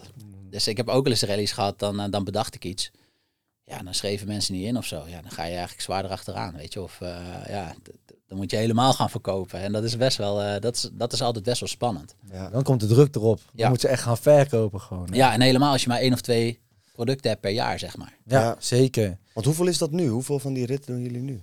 Ja, ik denk dat we nu 25 evenementen hebben per jaar. Ja. Ehm, ja, inmiddels doen we in de UAE evenementen. We doen, eh, ik doe ook een aantal corporate events. Ja, Dus eh, voor wat hele toffe partijen waar wij dan rallies voor organiseren. Ja, we hebben dan onze, onze club. Als je een club hebt, moet je ook wat aanbieden. Dus in het begin was het, ja, je bent clublid. Ja, wat, wat ga je dan doen? ja. ja, Ja, het is wel ik, ik, ja. heb twee rallies, maar ja, wat ga je een clublid bieden? Dus ik, ik, pasje. ja, ik ging mensen bellen. Ja, maar letterlijk dat. Ik dacht, oké, dan ga ik een clubpas maken, want dat is vet. Ja. En ik ga mensen bellen, wil je lid worden van mijn clubje? Ja, dan vroeg ze, ja, wat krijg ik dan? Ja, Een pas. ja dan, dan ben je lid. Ja, dat is leuk, want dan horen we bij elkaar, weet je. Het was echt dat. Maar ja, dan moet je natuurlijk verder uit gaan denken. Dus uiteindelijk dacht ik, nou oké, als mensen lid worden, dan gaan wij gewoon een aantal evenementen doen waar we, ja, wat dan voor leden is. Dus dan begon je met een nieuwjaarsborreltje of met een, Ja. eh, met een filmpremière of dat soort dingen. Ja, dat is inmiddels nu echt uitgebouwd. We doen echt van alles. Een sportevenementen, we doen eh, ja, filmpremières, maar echt ja, in de breedste zin van het woord hebben we, hebben we events. Dus, eh, maar ja, dat had je in het begin natuurlijk niet. Nee, nee. Nee. En bijvoorbeeld eh, zulke evenementen en zo. Eh, ik zag ook een video vo- voorbij komen. Ging je padellen? Ja, Ook super tof gewoon. Ja. Ik weet niet met hoeveel mensen dan, hè, maar dan eh, laat zeggen dat je met 20 mensen bent of misschien met meer. Ik heb geen flauw idee met hoeveel je kan padellen, maar de, de, de, eh, de velden zitten snel vol. Ja. Ehm, maar dan heb je ook daaromheen weer de sponsoren. Hè? Ik zag Ja. al XXL voorbij komen en nog een paar andere. Ehm, maar dan is het toch ook gewoon, ja, die hebben ook gewoon een bepaald, eh, ja, er zijn ook gewoon sponsors. Dus zij leggen ook een x-bedrag dan neer om gewoon sponsor te zijn van zo'n evenement ook. ja, inmiddels hebben we natuurlijk... Kijk, door de jaren heen werd, werd Streetgasm bekender. En gingen we meer evenementen doen. En kregen dus ook makkelijker partners uiteindelijk. En eh, ja, kijk, een sportauto, mensen associëren dat natuurlijk vaak met hard rijden, veel geluid. eh, maar een sportauto is natuurlijk veel meer. Die, die community, dus die club die we uiteindelijk hebben, die sportauto verbindt ons alleen. Maar dat is natuurlijk een enorm netwerk wat daarin zit. Dus iedereen die zo'n auto kan betalen, die is succesvol op zijn of haar manier. En, eh, en daar zit allemaal een mooi verhaal achter. Weet je, wat jullie hier ook in de podcast hebben. Je hebt, je hebt natuurlijk allemaal mensen met een, met een verhaal. En eh, ja, dat hebben wij ook. En daar zitten heel veel ondernemers achter. Dus op het moment dat wij andere activiteiten gingen doen, ja, en je gooit het in je club, ja, dan zijn daar ook weer allemaal ondernemers die zien de kansen. Ja, En eh, nou, het padel als, als leuk voorbeeld. Ik had een, een vriend, die heeft een padelcentrum opgezet. En hij, eh, hij belde mij toen, dat, eh, toen het bijna klaar was. Hij zei, hey, Mau, eh, kunnen we niet wat leuks doen? Bij mijn opening of eh, weet ik veel wat. Of eh, kunnen we niet samen een keer een eh, toernooi doen? Of eh, ja, laten we iets tofs doen. Ja, ik dacht, ja, dit is nu de sport van het moment. Weet je, iedereen is daarmee bezig. ja. Eh, ja, let's go. Laten we gewoon een toernooi opzetten. Kijken of, eh, of onze guys uit de auto willen stappen om in een, eh, weet je, om te gaan te zweten stappen. en eh Ja, ja. de padelbaan te stappen. Ja, dat sloeg zo erg aan. Dus eh, ja, en dan gingen we in ons, in ons poeltje gingen we gewoon vragen, jongens, wie vindt het tof om daar, eh, om daar iets te doen? Ja, René, een goed voorbeeld van XXL. Die, kijk, in de, in de autorallies kan hij natuurlijk niet zo heel veel doen met zijn brand. Maar met sporten is natuurlijk één op één. Ja, Dus ja, die sluit dan daar weer bij aan en dan gaat die weer daarbij aan. En eh, dat is eigenlijk heel leuk. Ja. En eh, dan zie je ook echt wel dat wat ik net zeg, dat dat heel erg klopt. Dat die mensen, die auto, dat, dat verbindt alleen. Maar Maar die hele groep mensen, de, de community die erin zit, de ondernemers onderling. Weet je wel, als je dat ook op een sportieve manier inzet. Ja, dan verbindt dat ook weer op een hele andere manier. En dan staan ook weer hele leuke en mooie dingen. Ja, je hebt een bizar sterk netwerk eh, opgebouwd. Ja. We hebben dat ook. We hebben nu vier evenementen gedaan. De eerste keer was ook gewoon met z'n allen voetballen ergens. Ja, ja maar het is wel leuk. it. Ja, het is gewoon lachen om te doen. Echt en, eh, hoor. Ja, en dat is wat je wel ook ziet. Volgens mij is dat ook wel een beetje ondernemer eigen. Je bent gewoon eh, competitief meestal. Ja. En je vindt het gewoon lachen om met die guys ergens eh, wat te gaan doen. En dan eh, heel vaak, ik heb het idee dat het bijna niet uitmaakt wat je gaat doen, zeg maar. Je kan altijd wel, eh, wel lachen en eh, connecten, zeg maar. En En dat iedereen maakt het heeft wel echt tof. Ja. Iedereen heeft ook een verhaal altijd. Ja, de ondernemers. Ja, Dat is met leuk. de willekeurig connecten makkelijk ook. Connecten makkelijk zijn daar vaak om te verbinden, Ja. inderdaad. Ja, man. Wat was voor jou toen, eh, toen je die club startte? Dat waren, want dat is voor heel veel mensen zeggen, oh ja, ik wil ook een community starten of een club. Of... Maar ja, je hebt wel wat je zegt. Je kan niet het starten en dan zeggen, ja, ik wil geld hebben. Ja, voor wat? Ja, dan hoor je bij de club. Ja. Leuk, toch? Ja, Duimpje ja. omhoog. Eh, maar wat waren voor jou de dingen die je moest toevoegen aan zo'n club om het waardevol te maken voor jouw leden? Ja, dat is wel een goede vraag. Ik, eh, ik heb denk ik eerst met de auto's, zeg maar, in in het begin draaide alles bij mij om auto's. Dus ik dacht eerst, oké, ik moet iets neerzetten met auto's wat zo ongelooflijk vet is, dat mensen daar al bij willen horen. Dus uiteindelijk, in het begin kwamen mensen bij mij of wilden bij mijn club horen, omdat het tof was, alle dingen die wij met auto's deden. Dus ik denk dat je heel duidelijk iets moet hebben waar het om draait. Zeg maar. Als je een club hebt, het moet ergens om draaien. Ja. Nou, dat was bij ons natuurlijk de auto's. Ehm, na verloop van tijd ga je, dan, ga je dan in die club ga je zien wat daar, eh, ja, wat daar nog meer zit. Bij mij waren het ja, dure auto's, sportauto's. Daar kwam een bepaald publiek bij. Ik kwam er al snel achter. Hey, daar zit gewoon 95% die bij mij zit, zijn ondernemers. Ja. Nou, dan ga je denken, oké, wat willen ondernemers? Die willen netwerken. Nou ja, goed. We zijn een beetje van de auto-evenementen op een gegeven moment. Het hele dagen rijden zijn we afgestapt. Maakten we de etappes korter, zodat er meer tijd was om lekker samen aan tafel te zitten. Of eh, samen te chillen bij het zwembad. Of weet ik Ja. veel. En dan zie je dat daar dingen ontstaan. Nou, vanaf daar gingen we doordenken, oké, als ze dat dus heel chill vinden, om met elkaar te chillen en te eten en weet ik veel wat, Ja. waarom eh, moeten we dan de hele dag rijden? Of waarom moeten we dan überhaupt erbij rijden? Dus dan ga je, ga je ook evenementen bedenken waar gewoon mensen komen met de auto, waar ze die auto parkeren. Het moet altijd natuurlijk bij ons streetgassen moet het wel een beetje auto gerelateerd zijn. Dus Ja. er zijn altijd auto's aanwezig. Ja, ja, ja. Maar ja, dan heb je mensen daar gewoon samen. En dan gaan we gewoon een hele dag, eh, bijvoorbeeld een Cars en Sushi evenement. Een beetje lifestyle event-achtig, waar we standhoudertjes hebben, waar mensen lekker eten, lekker drinken, optreden, weet ik veel wat. Ja, dan zet je mensen weer in een hele andere setting. Hmm. Dus uiteindelijk denkt de, de behoefte, jou, jou, jouw clubje bepaalt uiteindelijk wel de behoefte die daar, die daar is. En ik denk als je daar goed naar luistert, dus als je goed luistert naar wat, jou, wat jouw leden willen, dat, je, ja, dat je kan groeien en dat het succesvol kan zijn. Want je vraagt, denk ik, naast eh, iemand wordt lid, dan moeten ze voor betalen. Mhm. Maar voor de evenementen, dat, we hebben het zelf ook gemerkt, in kosten kan het aardig snel oplopen. Ja, dat klopt. Ehm, vraag je dan ook voor de evenementen dan, voor elk evenement of voor, alleen voor bepaalde evenementen dan een bepaalde prijs? Nee, wat ik dus, eh, wat ik dus eh, gedaan heb, eigenlijk met de partners die je hebt, Ja. eh, dek, je, dek je een stuk van die kosten. Waardoor jij met je lidmaatschappen, ja kijk, je wilt niet als iemand lid wordt, dat je hem overal geld voor vraagt. Nee. Dus eh, bij ons is het zo, je betaalt een lidmaatschap eh fee per jaar. Dat is dan 1750 euro. En dan, eh, dan ben je eigenlijk voor al die Nederlandse events uitgenodigd. Dus dan hebben ze voorjaarsrit, herfstrit, al die, al die leuke dingen, al die netwerkborrels, al die netwerkevents, die zitten daar eigenlijk allemaal bij. Dus dat is voor, eh, ja, voor een ondernemer natuurlijk super handig. Die boekt Ja. één keer dat, eh, dat bedrag op de zaak. En die kan verder gewoon lekker komen wanneer die wil. Ja. Ehm, dus ik denk dat dat heel interessant is. En voor ons is het ook weer zo dat als wij een, ja, een bedrijf hebben die graag deze mensen over de vloer hebt, dat wij gewoon zeggen, nou oké, wij willen best bij jou komen, maar dan moet jij bijvoorbeeld het eh, eten regelen of eh, en dan regelen wij de DJ en de entertainment en eh, Ja. dan kun je die kosten een beetje delen. Ja. En dat, dat is natuurlijk nu je wat groeit en ja, bekender bent en eh, een ondernemersenclub hebt en hele bijzondere auto's, dan is dat natuurlijk veel makkelijker dan Ja. dat het vroeger was. Ja, De ja. deur staat open voor streetgas. Ja, inmiddels. dat is makkelijker gewoon. Heb jij het gevoel dat je bedrijf goede winsten maakt, maar blijft er aan het eind van de maand te weinig of niks over, dan ben je niet de enige. We hebben inmiddels tientallen, misschien wel honderden ondernemers gesproken in de podcast en daarbuiten die ooit met hetzelfde probleem liepen. Je bedrijf begint te groeien, je eerste omzet vliegt binnen, maar het lijkt alsof er aan het eind van de maand niks overblijft. Nou, daarom is het belangrijk om inzicht te hebben in de financiële situatie van je bedrijf. Winst en verlies is vaak nog wel enigszins makkelijk uit te vogelen, maar cashflow, daar ontstaat meestal verwarring. En daarom hebben wij samen met Kelt een cashflow sheet gemaakt die jij gratis kunt downloaden in de beschrijving. Zo weet je altijd hoe je cashflow is en loop je geen onnodig risico. En kom je erachter dat je toch een cashflow probleem hebt of gewoon meer cash nodig hebt om te investeren in je bedrijf, dan is Kelt de partner die je zoekt voor bedrijfsleningen. Doe een aanvraag binnen een minuut en krijg binnen een uur antwoord en ontvang binnen 24 uur je geld. Geen verborgen kosten, lange looptijd of andere onzin, gewoon eerlijke leningen voor hardwerkende ondernemers.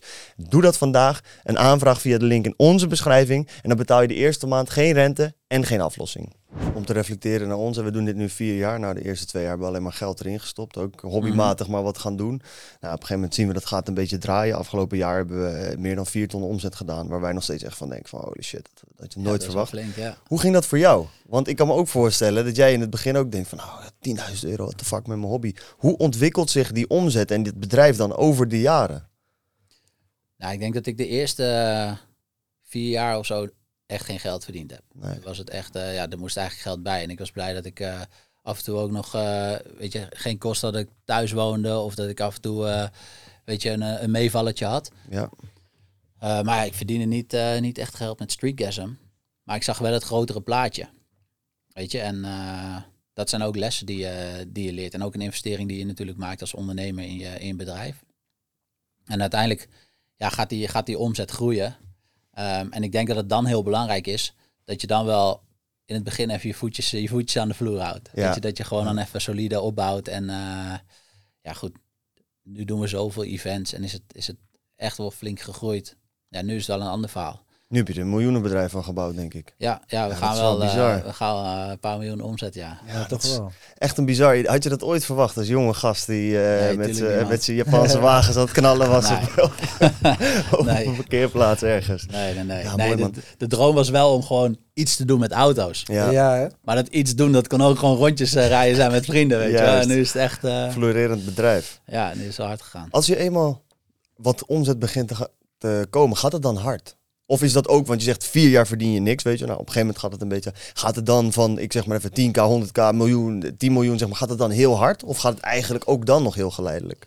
Ja, ik denk dat dat eraan ligt aan wat voor, eh, in wat voor branche ook zit. Ja, Er zijn natuurlijk branches waar je heel hard kan, heel hard kan groeien. Bij mij is het natuurlijk wel een plafond, omdat je gewoon... Kijk, ik zit in de events en eh, we, hebben, we hebben maar een x-aantal weekenden per jaar waar je, waar je evenementen kan organiseren. En als je tripjes doet die een week duren, dan wordt dat nog minder, weet Ja. je wel. Dus eh, er zit een plafond. Kijk, en wij hebben natuurlijk met de, met de memberships kun je wel groeien, maar je kan ook niet zeggen, ja, ik heb eh, duizend leden. Want op een evenement kun je even nooit duizend mensen toelaten. nee. En ik wil wel dat als je iemand lid maakt, dat die op een evenement aanwezig kan zijn. En niet dat hij iedere keer als hij kijkt dat het vol is. Want dan, dan ben je ook een waardeloze club. ja. Dus ehm, ik denk in mijn branche dat er wel een plafond zit. Maar ja, er zijn natuurlijk heel veel branches waar je, weet je, als je iets, iets online verkoopt of, of, of een online dienst of iets, iets, iets makkelijkers, dan kan het wel heel hard gaan. Ja. Heb je je eigen plafond, denk je, vaak doorbroken? Dat je dacht van, ja, zo groot zal het niet kunnen worden. Ja. En dat je daar weer doorheen gaat? Ja, dat is, dat is wel natuurlijk. Ja. Ja, ja, Want ja. Waar je nu staat, had je nooit verwacht. Eh, Heb je nu het idee dat je, als je zeg maar zegt van, eh, op een gegeven moment heb je een soort van de kers op de taart van je carrière. Hoeveel procent ben je nu onderweg naar dat je zegt van, ja, nu ben ik echt daar waar ik denk dat het op zijn top staat? ja, ik denk dat dat altijd 50% moet zijn. Ja, ja. Toch? Dus goed onderweg, maar Ja, nog een hoop te doen. Ja. Dat is een leuke, ja. Ja, ja, toch? Ik mooi, denk, eh, als, jij, als je zegt eh 90%, ja, dan zeg je eigenlijk al dat je soort van op je max zit. Dus dan ben je ook je drijfveer kwijt. Ja, ja. Ja. Hey, je zegt nu, eh, die business bestaat dus uit de ritten, Mhm. eh, de lidmaatschappen. Dan heb je natuurlijk de partnerships. Ja. Eh, daar was ik nog wel benieuwd naar. Ik zag, je hebt gold partners, carbon partners, dan heb je nog headquarter partners. Hoe deelt zich dat op? Wat zijn dat allemaal voor partners? Ja. ja, de headquarter partners is iets heel leuks. Wij hebben, eh, ja, afgelopen jaar was echt ook wel een mijlpaal voor mij. We hebben een, eh, kijk, we zaten altijd in, kleine, in een klein pandje. eh, ja, ja, dit echt, soort bunkers. echt heel klein. En op een gegeven moment begon, begon mijn, eh mijn cliënteel, ja, dat, dat Allemaal mensen met toffe auto's. En weet ik veel, ik had op een gegeven moment had ik zelf een Ferrari. En wij zaten in zo'n verzamelpandje. Dus ik had Ferrari beneden geparkeerd. Dat stonden we letterlijk, als we een evenement hadden, de vlaggen en alles in te laden op zo'n stukje van die auto af. ja, dat het altijd best wel spannend was. Ja. En eh, dan belden mensen, hey, eh, man, ik ben in de buurt van Utrecht, zou ik even langskomen? Nee, doe Ja, maar niet. kut, als die hier komt, jongen, dan sta ik gewoon verschut. En dan kwam iemand, gingen wij heel snel opruimen, weet je wel. Ja, ja, was het echt zo. En eh, ik dacht, ja, dan moet wel echt iets veranderen. En toen afgelopen jaar, eh, eigenlijk twee jaar geleden inmiddels, deed zich een kans voor om een, eh, om een pand te huren. Ook een, eh, een goede vriend van me, die, die had daar wat ideeën over. En ja, ik kon een pand huren. Maar ja, dat was helemaal kaal. Gewoon een betonnen Casco. box gewoon. Ja, Ja. echt vreselijk. maar ja, hij zei, ja, hier kan je echt wat mee. En toen heb ik op een gegeven moment Aro Wonen gevraagd van, ja, wat, wat zou jij doen hiermee? Als jij dit, dit zo ziet. Hmm. Ja, zij ging helemaal los. Ze maakte een mega vette schets. En eh, ik, ik zei, ja man, als, als dit ooit lukt, dan eh, voel ik me echt de koning. Ja. Ja, ik dacht, maar ja, joh, hoe, hoe ga ik dit in vredesnaam realiseren? Want ik, ik dacht, ik ga een beetje prijzen opvragen, een beetje kijken. Ja, dat, dat kostte zoveel geld. Maar ja, toen dacht ik, ja, ik heb eigenlijk een club waar, eh, waar alles en iedereen in zit. We hebben 300 leden. Hmm. Ja, de een zit in de keukens, de ander zit in de vloeren. eh, die heeft een aannemersbedrijf, die is een schildersbedrijf. Ik dacht, nou, weet je wat, trek de stoute schoenen aan. En ga gewoon eens wat mensen bellen. En dan ging het eigenlijk heel snel, want je belt iemand op waar jij dus een relatie mee hebt en die bij jou altijd geniet van de uitjes en eh, met de reizen mee is. En die eigenlijk, als je naam valt, altijd positief aan je denkt. Ja. Nou, die bel je dan op en zegt, ja, hey, ik, eh, ik wil iets met mijn, met mijn vloer doen, man. Ja, zou jij me een goede prijs kunnen maken? En dan dacht ik, ja, goede prijs. Gast, ik regel dit gewoon voor je.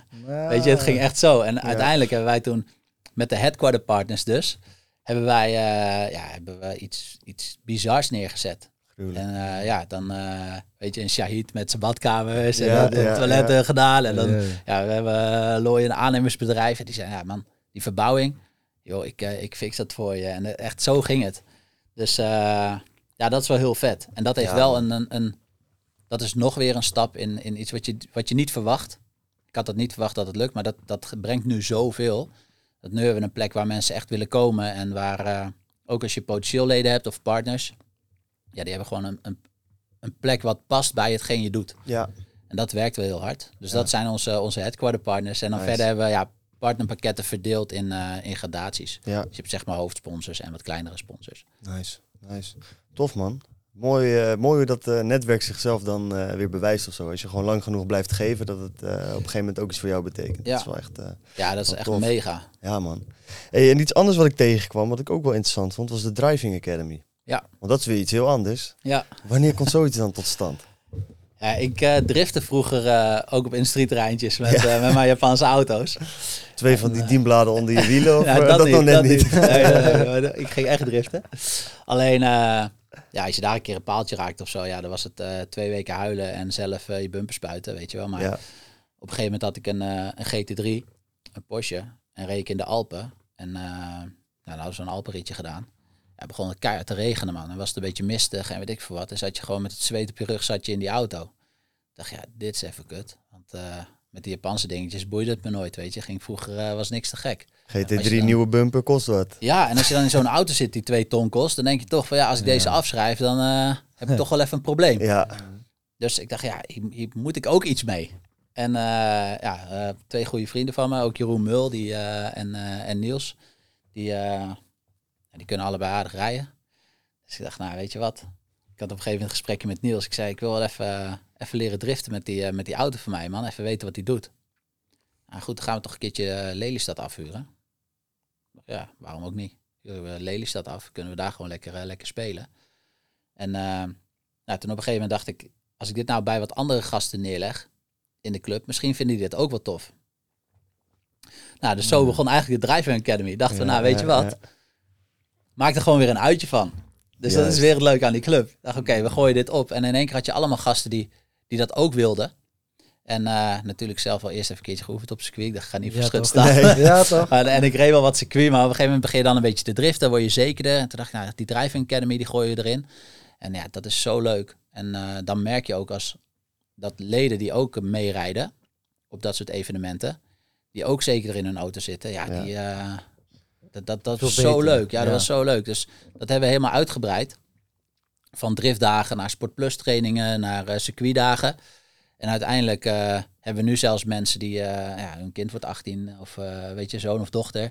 Ja, die moet toch een keer in een sportauto rijden. Nou, ga mee lekker naar die Driving Academy. Dan leer je ook wat zo'n auto doet. En eh, Ja. ja, het is eigenlijk super vet. Ja, Ja. heel lauw. Ja, ja. Tof man. En zo blijft het zich verder ontwikkelen en ontwikkelen over tijd. Waar ik heel benieuwd naar was, en wat je zegt net, hè, die eh, Porsche GT die je dan eh, op een gegeven moment hebt. Hoe ontwikkelt zich dat? Want ik bedoel, dat zijn auto's die op een gegeven moment, nou je zegt het zelf al, tonnen gaan kosten. Voor jouw business doet het het denk ik heel goed. Ik heb jou in een, eh, volgens mij een podcast van Item ook horen zeggen van ja, ik verwacht eigenlijk moet wel elk jaar, anderhalf jaar iets nieuws om een beetje weer goed op te komen Ja. dagen. Maar ja, ik bedoel, eh, ik wil ook best elke anderhalf jaar iets nieuws. Maar eh, ik heb niet elke anderhalf jaar het geld liggen. Dus hoe ga je dat op een gegeven moment slim spelen in het bedrijf? Want het is dus heel waardevol. Ga je dat dan ook Ja. vanuit het bedrijf investeren? Of hoe? eh, Ja. Ja, dat heb ik wel echt vanuit het bedrijf, vanuit Ja. het bedrijf gedaan. Want het is voor mij, uiteindelijk weet je, het was vroeger, was het natuurlijk een hobby. En ik moet nu wel zeggen dat nu de hobby van het autorijden echt wel een beetje eraf is. Kijk, ik vind Ja. het nog steeds mega vet. Ehm, en als ik lekker door de Alpen race of weet ik veel wat, ja, daar gaat mijn hart echt sneller van kloppen. Alleen bijvoorbeeld door de weeks, eh, ja, ambieer ik het niet meer om in een supercar te de rijden. McLaren Eh, eh, dat- over de drempels te Nee, vliegen. dat, dat is vreselijk. Ehm, dus ja, weet je, dat- die, die hobby ging daar een beetje af. Dus ik dacht ook, oké, ik moet het wel slim doen. En die kosten gewoon zakelijk pakken. Want het is voor mij echt een, een marketing tool eigenlijk. En ehm, ja, dan ga, je, dan ga je er zo in zitten. Dan, dan begin je op een gegeven moment, nou, begin je met, eh, met een Porsche. Nou, daarna kwam een andere Porsche, toen kwam een R8. En weet je, zo ging je steeds stapjes maken. Op een gegeven moment dacht ik ook wel van, ja, ik kan ook wel eh, gewoon kijken of ik daar iets mee kan partneren. Of dat ik daar, eh, weet je, dat je daar betere deals van kan gaan maken. Ja, en dat, dat evolueert dan ook. Ja, Weet je, dus uiteindelijk, nou, eerst met Porsche Centrum Gelderland leuke samenwerking gehad. En dan, ja, dan be- begin je daar stappen te maken in je, in je wagenpark. Ja, nu dan met, eh, met Lauben Exclusive. ja. Dus weet je, dan op een gegeven moment kun je de verliezen ook beperken. Dus je afschrijving kan je beperken. Je kan daar afspraken over maken. En dan, eh, dan is het allemaal wel te doen. Ja, ja, ja. En toch ook wel tof als je op die manier wat in die auto's kan rijden en eh, het kan combineren dat het goede zakelijke investering is. Ja, Maar ook wel wat eh, jongensplezier brengt, denk ik. Ja, precies. Dat is, dat is gewoon tof. Ja, en zo kun je man. ook je auto vers houden. Weet je, als je elke Ja. twee jaar je auto normaal eh, wilt verkopen, ja, dan schrijf je natuurlijk de wereld af. Ja, Ja. Weet je, en als je, als je op een gegeven moment de wat specialere auto's koopt, dan beperk je afschrijving al. ja, Ja, en als je dan met zo'n partij kan afspreken eh, van ja, oké, ik wil hem over twee jaar inruilen, maar ik wil maximaal dat afschrijven. Ehm, ja, dan partneren we een beetje. En als je het op zo'n manier kan doen, ja, dan blijft het ook leuk. En jij zit natuurlijk ook bij een super relevante doelgroep voor hun. Dus daar kan je makkelijk wat, eh, wat mee doen. Ja. Ja, leuk man. En op een gegeven moment merk je dan, een, of mensen, dat zei je net van, je merkt dat eh, het jonge een beetje eraf gaat. Hè? Mhm. Dat je inderdaad zegt van, ah, je hoeft niet per se meer hè, elke keer te racen of... eh, maar eh, wanneer, wanneer komt een beetje dat om, omslagpunt? Want bijvoorbeeld, ik noem maar wat, hè, wij zijn Ja. nu aan de podcast. is het Ja. soms ook gewoon te denken van, ja, weet je, we zijn nu eh, bijna vier jaar bezig. Mhm. Is het na vijf jaar nog leuk? Is het na tien jaar nog leuk? Je hobby wordt wel echt werk. Ja, ja, precies. Van wanneer merk je op een gegeven moment van, oh, ik heb eigenlijk niet echt zo, zoveel zin om eh, weer eh, lekker eh, naar de Alpen te gaan. Nee, dat heb ik nog nooit gehad. Nee. Ja. Dat heb ik echt nog nooit gehad. En ehm, ik denk als je, als je werk doet wat je hobby was of hobby is, Ja. Ja. zeg maar, dat je dat ook niet gaat krijgen. Want je kan altijd weer even bij jezelf te raden gaan van, joh man, er zijn ook mensen gewoon die eh, tot een eh, zestigste in de gamma staan achter de kassa. Ja, Ja, maar serieus. Ja, Ja, ja, Weet ja, je wel, of die, eh, Ja. ja. die, die 25 jaar lang eh, op een kantoor zitten met dezelfde collega's eh, op hetzelfde bankstel. Ja. Weet je wel, ja, Ja. dat heb je ook. En ik leef wel mijn droom, dus uiteindelijk de autohobby gaat er een beetje af. Mhm. Het, het, het echte, de, de eagerness om, eh, weet je, om nu weer, nu weer een nieuwe auto te kopen of weet ik wat, dat gaat er wel een beetje vanaf. Mhm. Maar dat leuke, ik, ik vind het nu heel leuk. Ik haal er heel veel energie uit als ik iets doe waar mensen het leuk hebben. Ja. Dus als ik een reis organiseer en ik zie mensen genieten, ja, daar ga ik helemaal goed op. Ja. Dus dat wordt dan weer heel leuk. En als je dan met die mensen een gesprek hebt over hun auto en hoe blij ze zijn met hun auto, ja, daar kan ik helemaal van opleven. Dat ja, dan ik- voel je dat ook. ja, dat hè? vind ik helemaal vet. Ja, man. Dus ik heb ook heel veel klanten of leden van mij die mij appen van... Hé hey man, eh, ik ga een nieuwe velgen kopen. Of ik heb een nieuwe auto besteld. Of eh, Ja, weet je, die, die bellen ja. mij op met spec-sessies en weet ik veel. Ja, mega vet. Ja, Dus ja. eigenlijk word je dan ook een beetje meegenomen in hun dromen. En dat blijft wel... Dat blijft mij wel triggeren. Ja. Dat is mooi, hè? Ja, dat is mega vet. Want jij bent ook de persoon wie zij gaan benaderen als zij weer wat nieuws Ja. hebben. Ja, dat is zo kicken. Dat vind ik zo'n eer af en toe. Dat mensen mij bellen van... Hé hey man, welke kleur moet ik kiezen voor mijn auto? Of Ja. eh, Ja. doe ik hier goed aan? Of weet je... eh, ja, dat is zo tof. Ja, Ja, ja, mooi, ik herken dat ook wel wat wij hebben als ik naar ons reflecteer van eh, dat ik toch altijd ook wel energie blijf krijgen van die ondernemers met die ideeën. Ja. Als ik met iemand aan het praten ben Ja, en ik hoor weer waar je mee bezig bent, dan denk ik van ja man, gewoon vet om te horen hoe iemand iets aan het bouwen is en wie die ideeën heeft en zo. Die energie is heel aanstekelijk en ik kan me goed voorstellen dat dat Ja. enthousiasme ook bij auto's eh, Ja, behoorlijk daar is.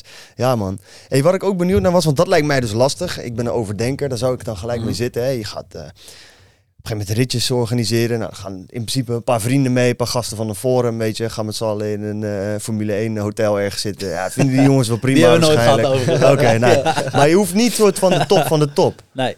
Nou weet ik inmiddels, eh daar gaan best wat eh vermogend ondernemers mee. Nou wil ik niet allemaal zeggen dat ze op een gouden toilet moeten schijten, maar die hebben toch over het algemeen, je zei het net zelf ook al, van ja, als die hotels van jullie niks zijn, dan boeken we zelf wel wat. Ja. Hoe ga je daarmee om? Want dan op een gegeven moment moet je een soort van in de schoenen gaan zitten van oké, ja, wat de fuck moet ik voor een hotels gaan boeken voor deze gasten dan? Ja, dat was in het begin echt fucking moeilijk. Want eh, ja, weet je, ik kwam zelf zelden in vijf sterren hotels. Juist. Toen ik begon. Ja, dus, Doe maar dus- Mackie. Ja, dus ik dacht echt... Kijk, mijn eerste ritje had ik drie en vier sterren hotels. Ja. En dat verkocht ik ook aan gasten. En drie en vier sterren hotels. En dan kwam ik ergens dacht ik, ja, dit is, dit is eigenlijk prima. Ja, Weet je wel? En eh, toen was dat eigenlijk heel ontspannen hotels boeken. juist. Nou ja, dat ging ook allemaal even iets, iets anders dan, dan nu, weet je. Toen ik, wat ik zeg, ik stapte gewoon in de auto. Ik ging rijden. Als ik moe werd, dacht ik, oké, ik moet nu ongeveer een hotel hebben. En dan zocht ik iets. En was het oké, dan was het oké. Ja. Ja. Maar ja, toen...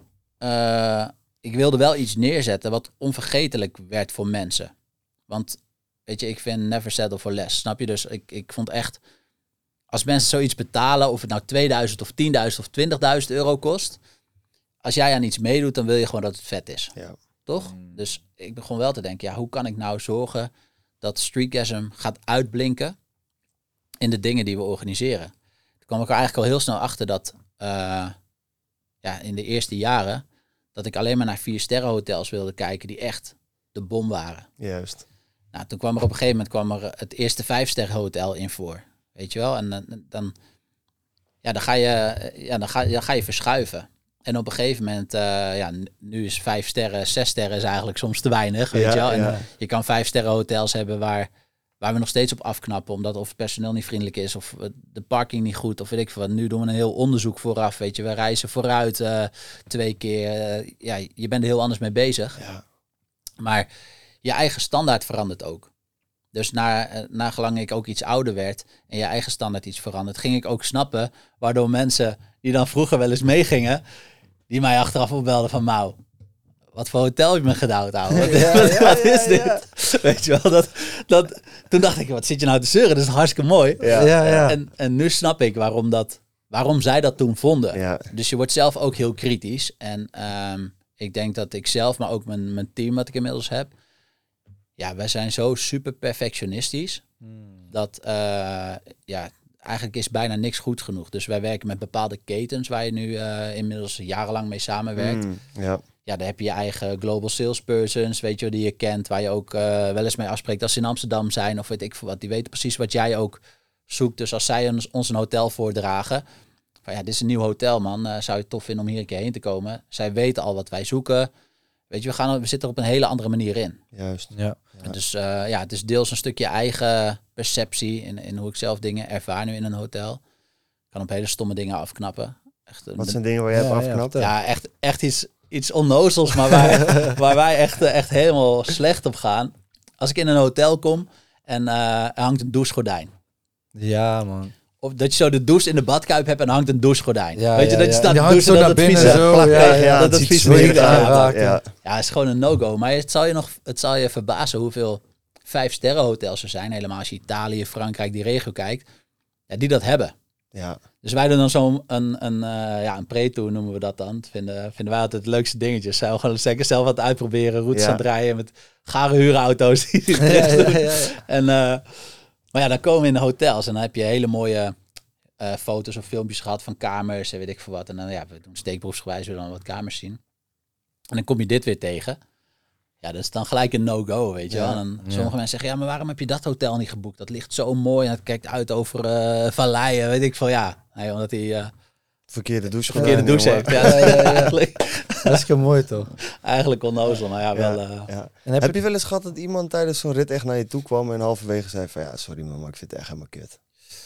Eh, nee, eigenlijk niet dat hij dit niet helemaal kut vond, maar wel dat iemand zei van ja, die hotelkamer die ik nu heb, ja, grap, dat, eh, dat is echt kut. En dan, kijk, we hebben natuurlijk als je 120 kamers boekt, dan heb je gewoon echt een serieus stuk van het hotel. En soms Ja. heb je ook wel eens een heel hotel.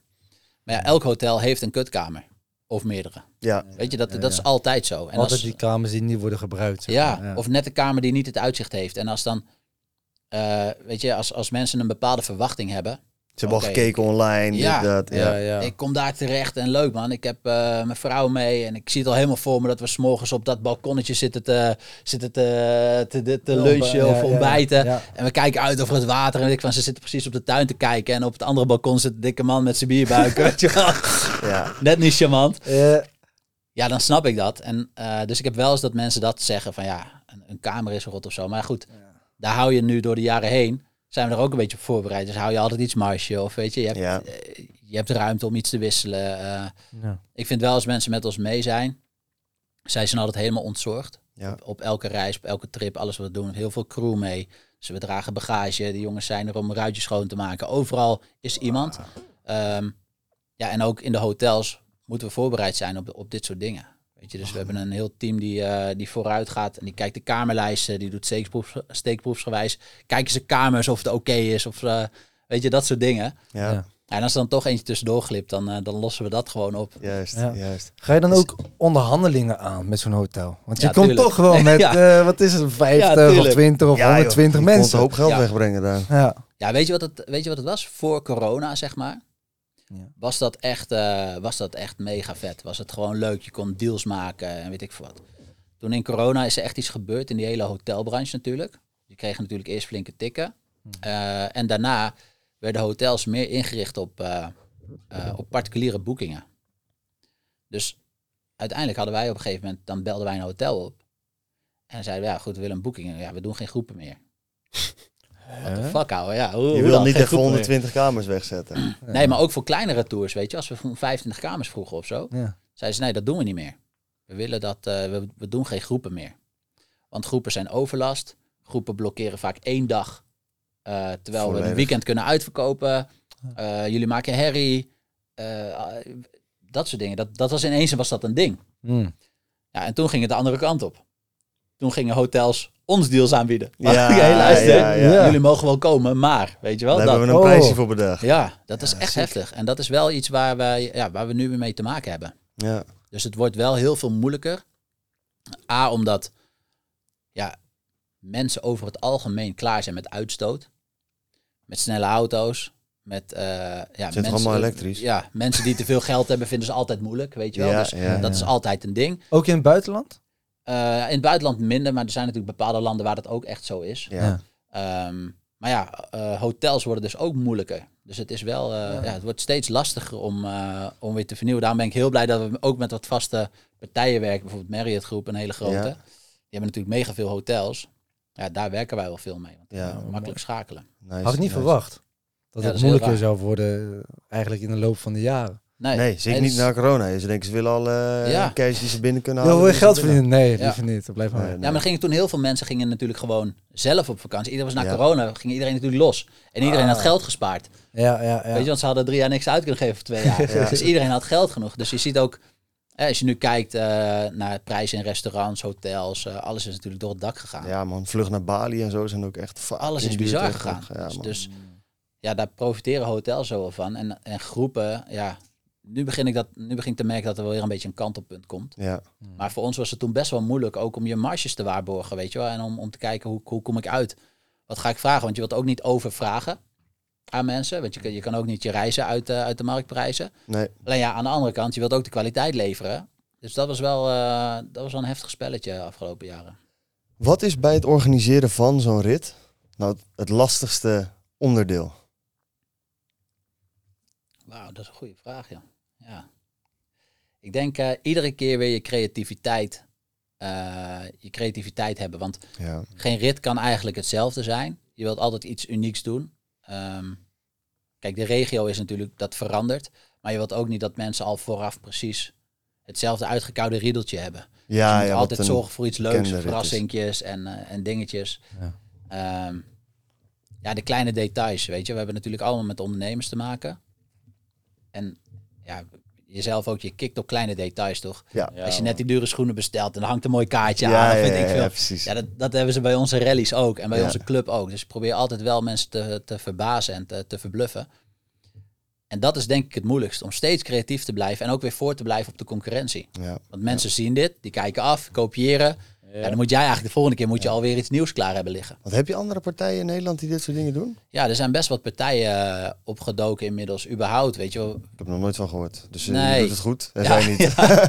Nee, maar je, hebt- je hebt natuurlijk, kijk, eh, Nike heeft natuurlijk ook gewoon eh, andere mensen die sportschoenen maken. Maar zij Ja, zijn, tuurlijk. zij zijn eh, de benchmark, weet je wel. Ja. Dus, en wij hebben dat ook. Er zijn heel veel partijen die, die ook ritjes organiseren of die ook een, een clubje beginnen. Weet je, ze zien natuurlijk allemaal, zien ze, zien ze Succes. streakgasm of ze zien Ja. succes.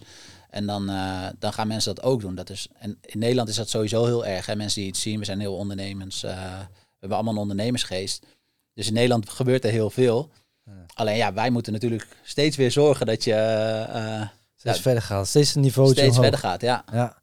Oké, en ik ben nog wel benieuwd dan. Hè. Je zei net, eh, we hebben het ook gemerkt met onze evenementen. De eerste keer was dan, eh, wat jij zei met voetballen. De tweede keer hadden we dan voor het eerst echt dat de sprekers langskwamen. De derde keer zeiden van, fuck it, we gaan gewoon een kasteel afhuren. de vierde keer was bij eh, Sir Adam in die Adam Tower. Oh ja, ja. Ja. Leuk. Nou, aan alle evenementen niks overgehouden, zeg maar. Nee. Ja. Weet je ook Het zoveel werd wel steeds gemaakt? dikker. De Part rekening werd ook Part steeds dikker. job, Maar eh, de marges werden niet dikker. Ja. Ja. maar wij zaten toen ook, ja, van, ja, het moet dikker, het moet weer anders. Je kan niet precies hetzelfde doen, want Nee, dat wordt één. Tenminste, voor ons gevoel, ik zou dan niet elke keer naar hetzelfde gaan. Dat wordt heel Nee. snel eigenlijk een soort van, ja, het mist, mist een sausje dan. Ja, Ja, toch en ook zelf raak je ook die drive kwijt, toch? Als je zelf, als jij nu al weet, oké, ik ga dit jaar ga ik vijf evenementen organiseren. En eh er zijn precies de, de vijfzelfde evenementen als vorig jaar. Ja, dan denk ik ook, ja, leek spannend. niet, Weet ja. je wel, copy-paste draaiboekje, copy-paste dat. Ja, dat, dat is natuurlijk geen zak aan. Maar hoe houden we, want jij geeft inderdaad, je moet het dan spannend houden. Maar hoe doe je dat inderdaad? Want wat zijn nou de elementen waarvan jij zegt van, nou, dat wisselen we af, om toch een beetje die verrassingen in te houden? Ja, dat zijn een hele hoop elementen. En ik denk dat eh, dat, dat ook wel de kracht is van mij en mijn bedrijf. Ja. Ehm, ja, dat we gewoon steeds weer een stapje gekker gaan. Steeds weer verder denken. Steeds weer de details. Weet je, ziek tot in details treden met, eh, met de kleinste dingen.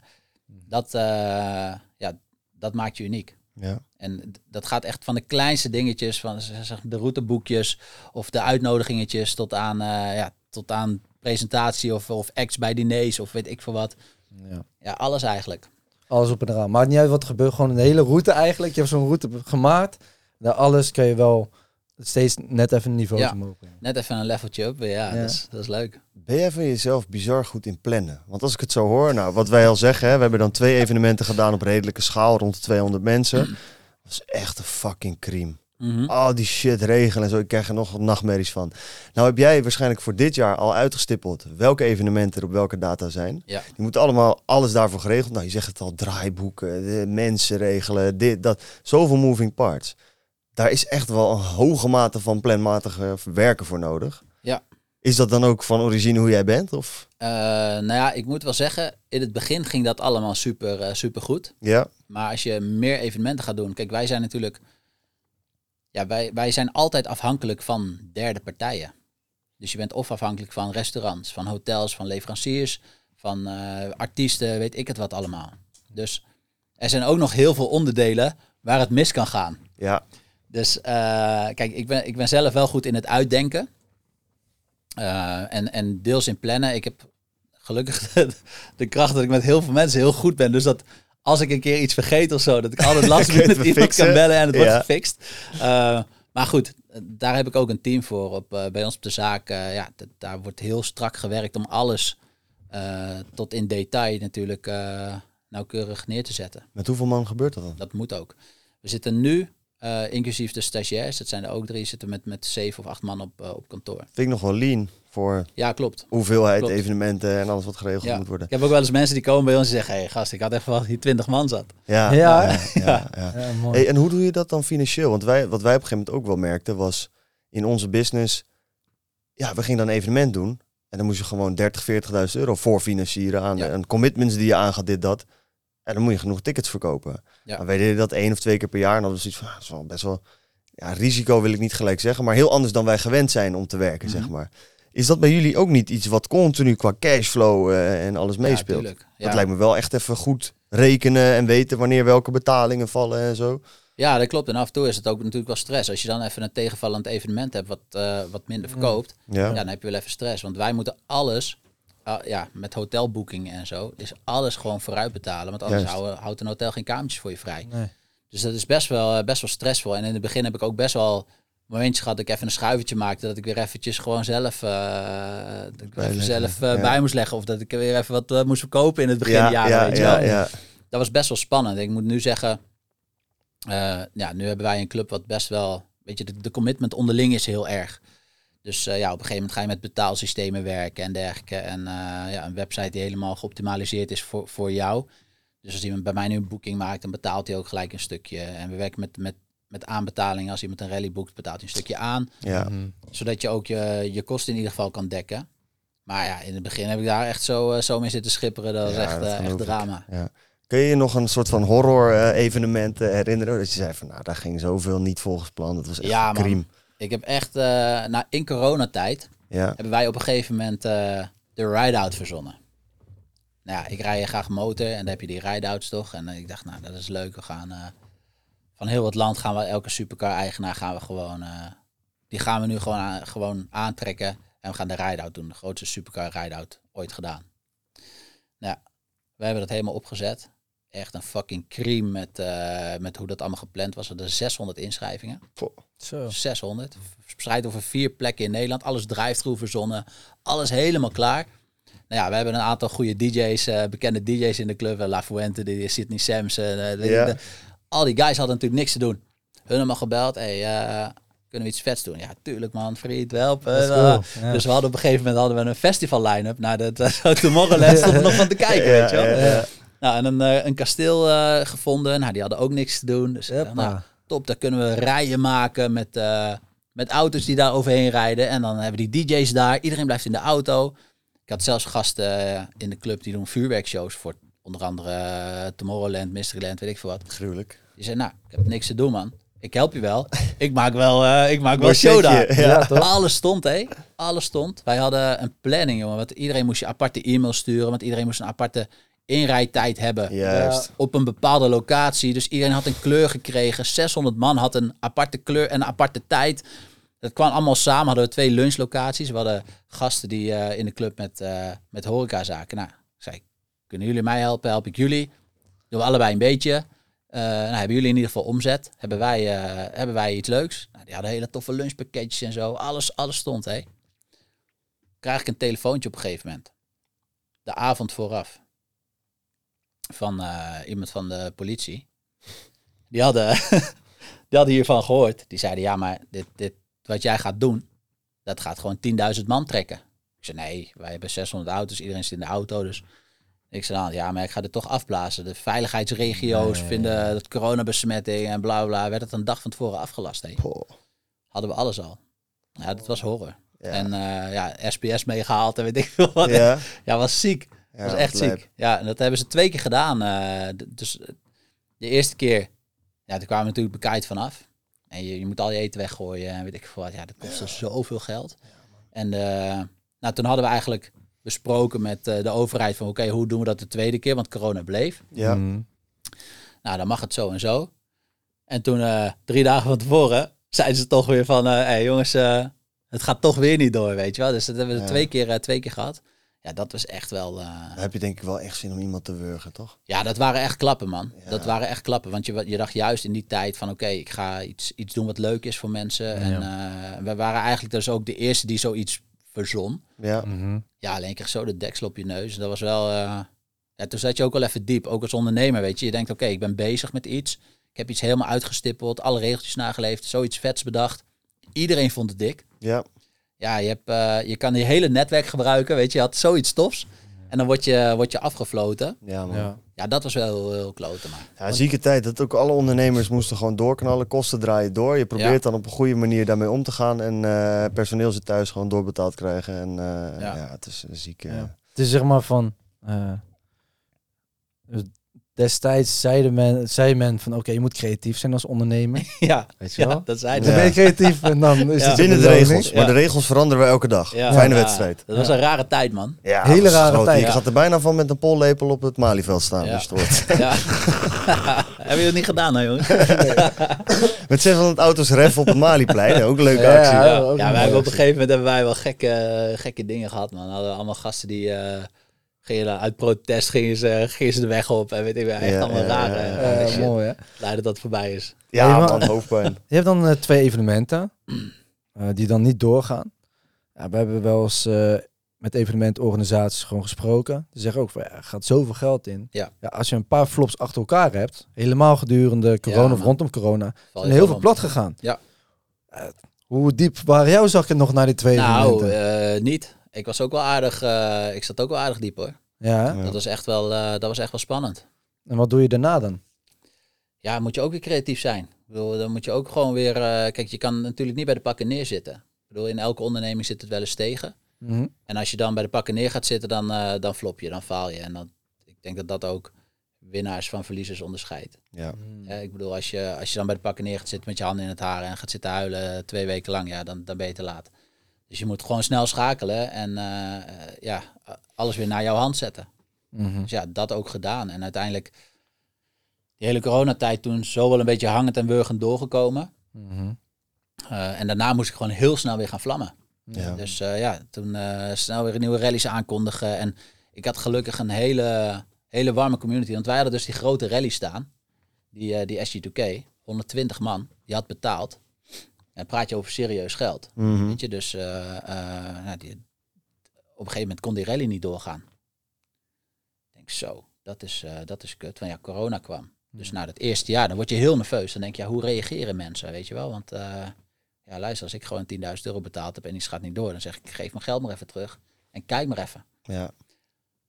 Later in die, in die coronaperiode begonnen, weet je, dan kwam daar iets voor. Er kwamen in één keer bedrijven met vouchers en weet ik veel wat. Hè. Maar dat, wij waren eigenlijk in het begin. Want die rally kwam heel snel. Ja. Ik weet nog dat wij op voorreis waren in Bratislava en toen brak die pandemie als het ware uit. Dus wij waren op het vliegtuig nog een van de laatste vluchten, heel leeg vliegveld en zo. Dat was Ja, ja, ja, onwerkelijk.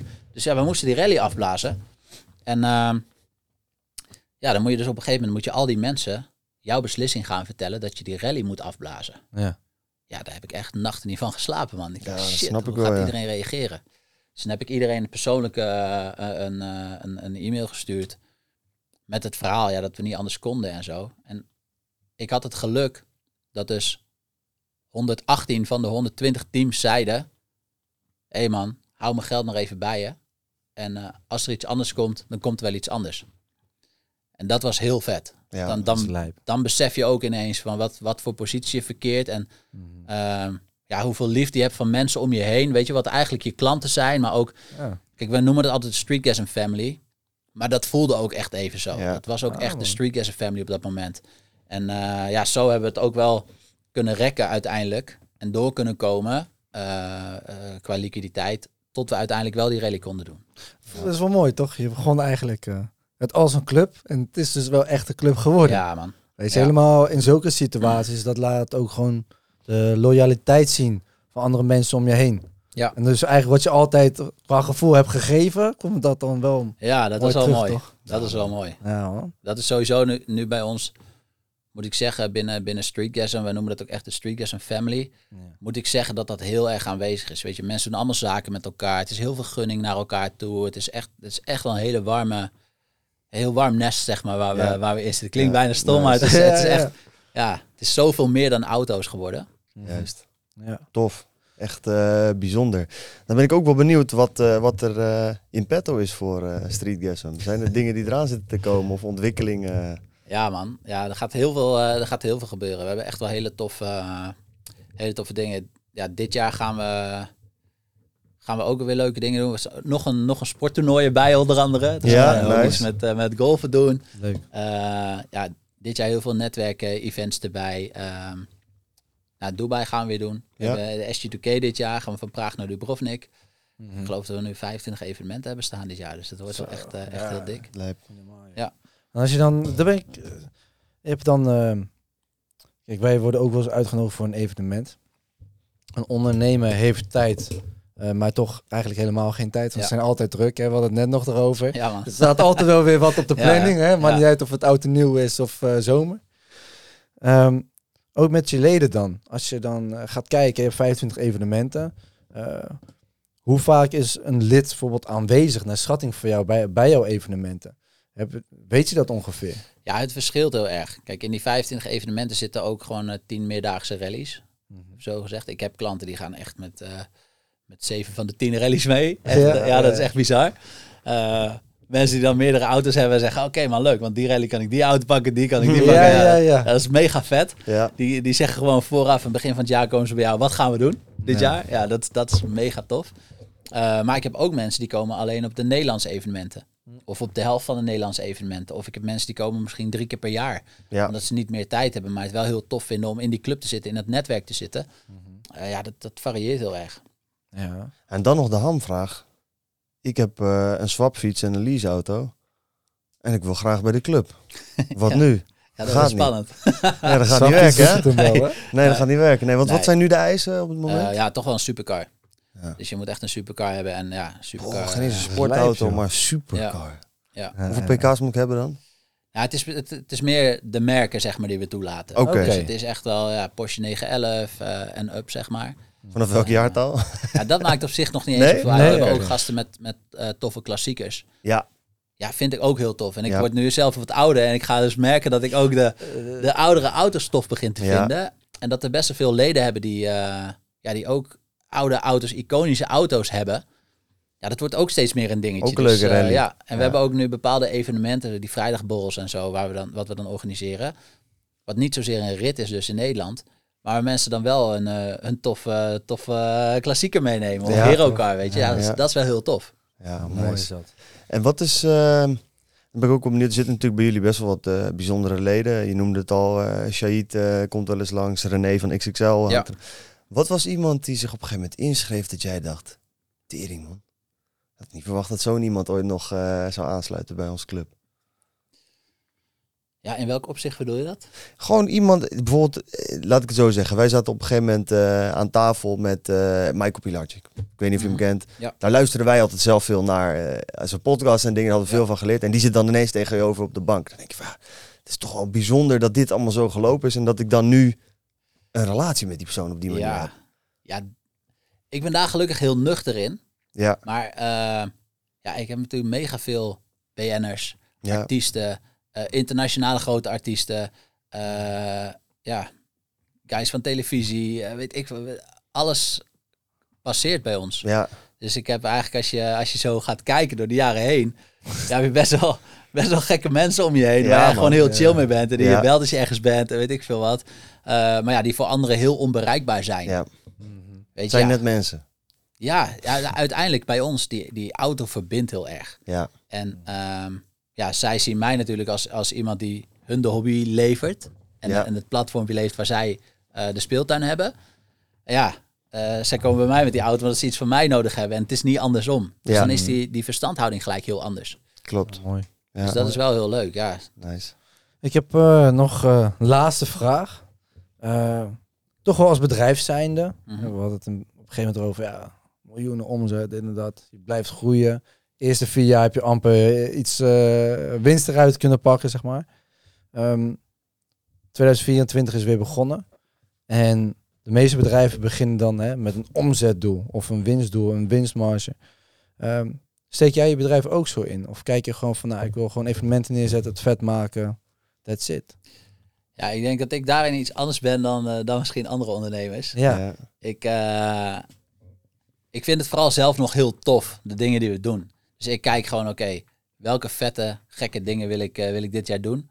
Wat staat op mijn bucketlist? En het is letterlijk, dat vinken we af. Ja. Eh, dus ja, je maakt eigenlijk gewoon weer een nieuwe bucketlist voor Dat 2024. is wel leuk. hè. En daarna ga ik kijken van oké, nou ja, hoe gaan we dat inkleden en wat, wat, wat komt daarbij en wat gaan we daar aan, aan omzet uithalen en, en, eh, en winst uiteindelijk natuurlijk. Ja. Maar ja, ik kijk hem wel gewoon van ja, wat, wat vinden mensen tof? Wat hoor ik van, van de guys om me heen? Wat zouden ze nog willen doen? Hoe gaan we mensen weer verbluffen? Ja. Mhm. Dus meer dat dan dat ik echt denk van oké, ik wil eh, dat verdienen eh, dit jaar. Ja, precies. Leuk, leuke insteek wel. Ja, je- dat is toch je passie wat je, wat je Ja, dat doet. zeker. klopt Ja. inderdaad. Dan ben ik daarbij ook wel benieuwd. Zou je ooit afscheid nemen van Streetgasm? Het verkopen, het bedrijf? Of, of hoe eh, zie je dat voor je? Of ben je als je 80 bent dan... eh, Nou, ik, ik, ik denk hier wel eens over na. Ik Ja. denk wel eens, oké, hoe, zou dat, eh, hoe zou dat gaan? Ik heb natuurlijk heel veel ondernemers om me heen die hun bedrijf verkopen. ja, Eh, ja, dat is bijna dagelijkse kost. Tegenwoordig, je hoort, je hoort de mooiste succesverhalen natuurlijk. Ja. Maar ik zie ook de keerzijde. Ik zie ook hoe, hoe ondernemers die een bedrijf hebben opgezet met hart en ziel, die dat verkopen, hoe ongelukkig zij zijn als zij het afzien dwalen of, of ineens thuis zitten met een hele zak, eh, zak geld. Ehm, dus ik weet niet. Ik, zou ik het ooit verkopen? Ik zeg nooit nooit Mhm. natuurlijk. Maar ik zou altijd wel eh, dan een vingertje in de pap willen houden. Ik, Ja. zou, ik zou niet zonder dit kunnen. Want ja, streetgasm is echt wel een verslaving ook gewoon. nice. Ja. Is er wel eens iemand geweest die, die interesse toonde of iets? Ja, wel Ja. meerdere keren, ja. Ja. is ook wel, eh, het lijkt me ook wel een soort van wel kleine overwinning, toch? Niet dat je het doet, maar dat je gewoon denkt van, Ja, absoluut. sick. Ja, sick. dat is het Ja, absoluut. Ja, ja, ja. Dus eh, Leuk, dat man. is heel tof. Alleen ja, Ja. ik denk wel, als je, ja, ik vind mezelf nog jong natuurlijk, maar Ja, natuurlijk. als, je, als, je, als je jong bent en je bent nog super gedreven en je, ja, je- wilt echt nog maximaal vlammen en je hebt iets wat van jezelf is, ja, dat dat ook wel een hele hoop waard is. Ja. Ja. Het heeft wel een plekje in je hart. Ja, toch? Ja. Ja, man. Ja, als iemand anders nu bij mij zou moeten, eh, ja, gaat zitten bepalen wat ik zou moeten doen, ja, dat zou ik heel moeilijk vinden. Gaat niet Ja. Nee. Nee. nee. heb ik wel. Mooi, man. Hey eh, Maurice. Ik vind het een echt een tof verhaal, man. Ja. thanks. En gewoon Ja, wat leuk. jij doet. eh, je hebt misschien concurrenten, maar inderdaad wat jou zei. Daar heb ik nog niet van gehoord. Nee. Eh, maar wel echt gewoon ja, de, de rallies en dat jullie, de, de reizen die jullie maken. En eh, het, het is ook een soort van. Hè, je, moet een ijs hebben en je moet een supercar hebben en dan mag je mee. Ja. Dat is ook alweer, dat wordt onbewust ook alweer een doel van ondernemers. Ja, toch? Van, oh ja, ja, dus we moeten dat gaan bereiken en mogen we mee met Streetcast. Eindelijk, weet Ja. je wel. Dat is wel heel erg mooi om, eh, om te zien hoe dat over de jaren heen is ontwikkeld. Man. Ja. Ja, heb ik nog één echt allerlaatste afsluitende vraag die Ja. me nu te binnen schiet. Hoe jong is het jongste lid? Eh, ja, dat zal je verbazen. Ik heb gewoon echt wel, eh, wel leden af en toe van eh 18, 19 jaar oud. hoor. Maar dit is, het is zo... eh, eerlijk, het is, het is zo anders. Ik heb, toen, ik, toen ik begon, ja, toen was ik zo'n jonkie, zeg maar. Ja. En als ik toen iemand zag met een Porsche, ik, ik weet nog, ik had, eh, nou, ik had op mijn 27 of zo had ik, eh, had ik een Porsche uiteindelijk. Ja, ik vond mezelf toen heel jong en dat was echt een goal voor mij. Nou, Ja. Als ik toen ergens kwam op, op een evenement of weet ik veel, was ik een van de jongste gasten met een, met een ja, supercar, Dikke bak, met ja. een dikke bak.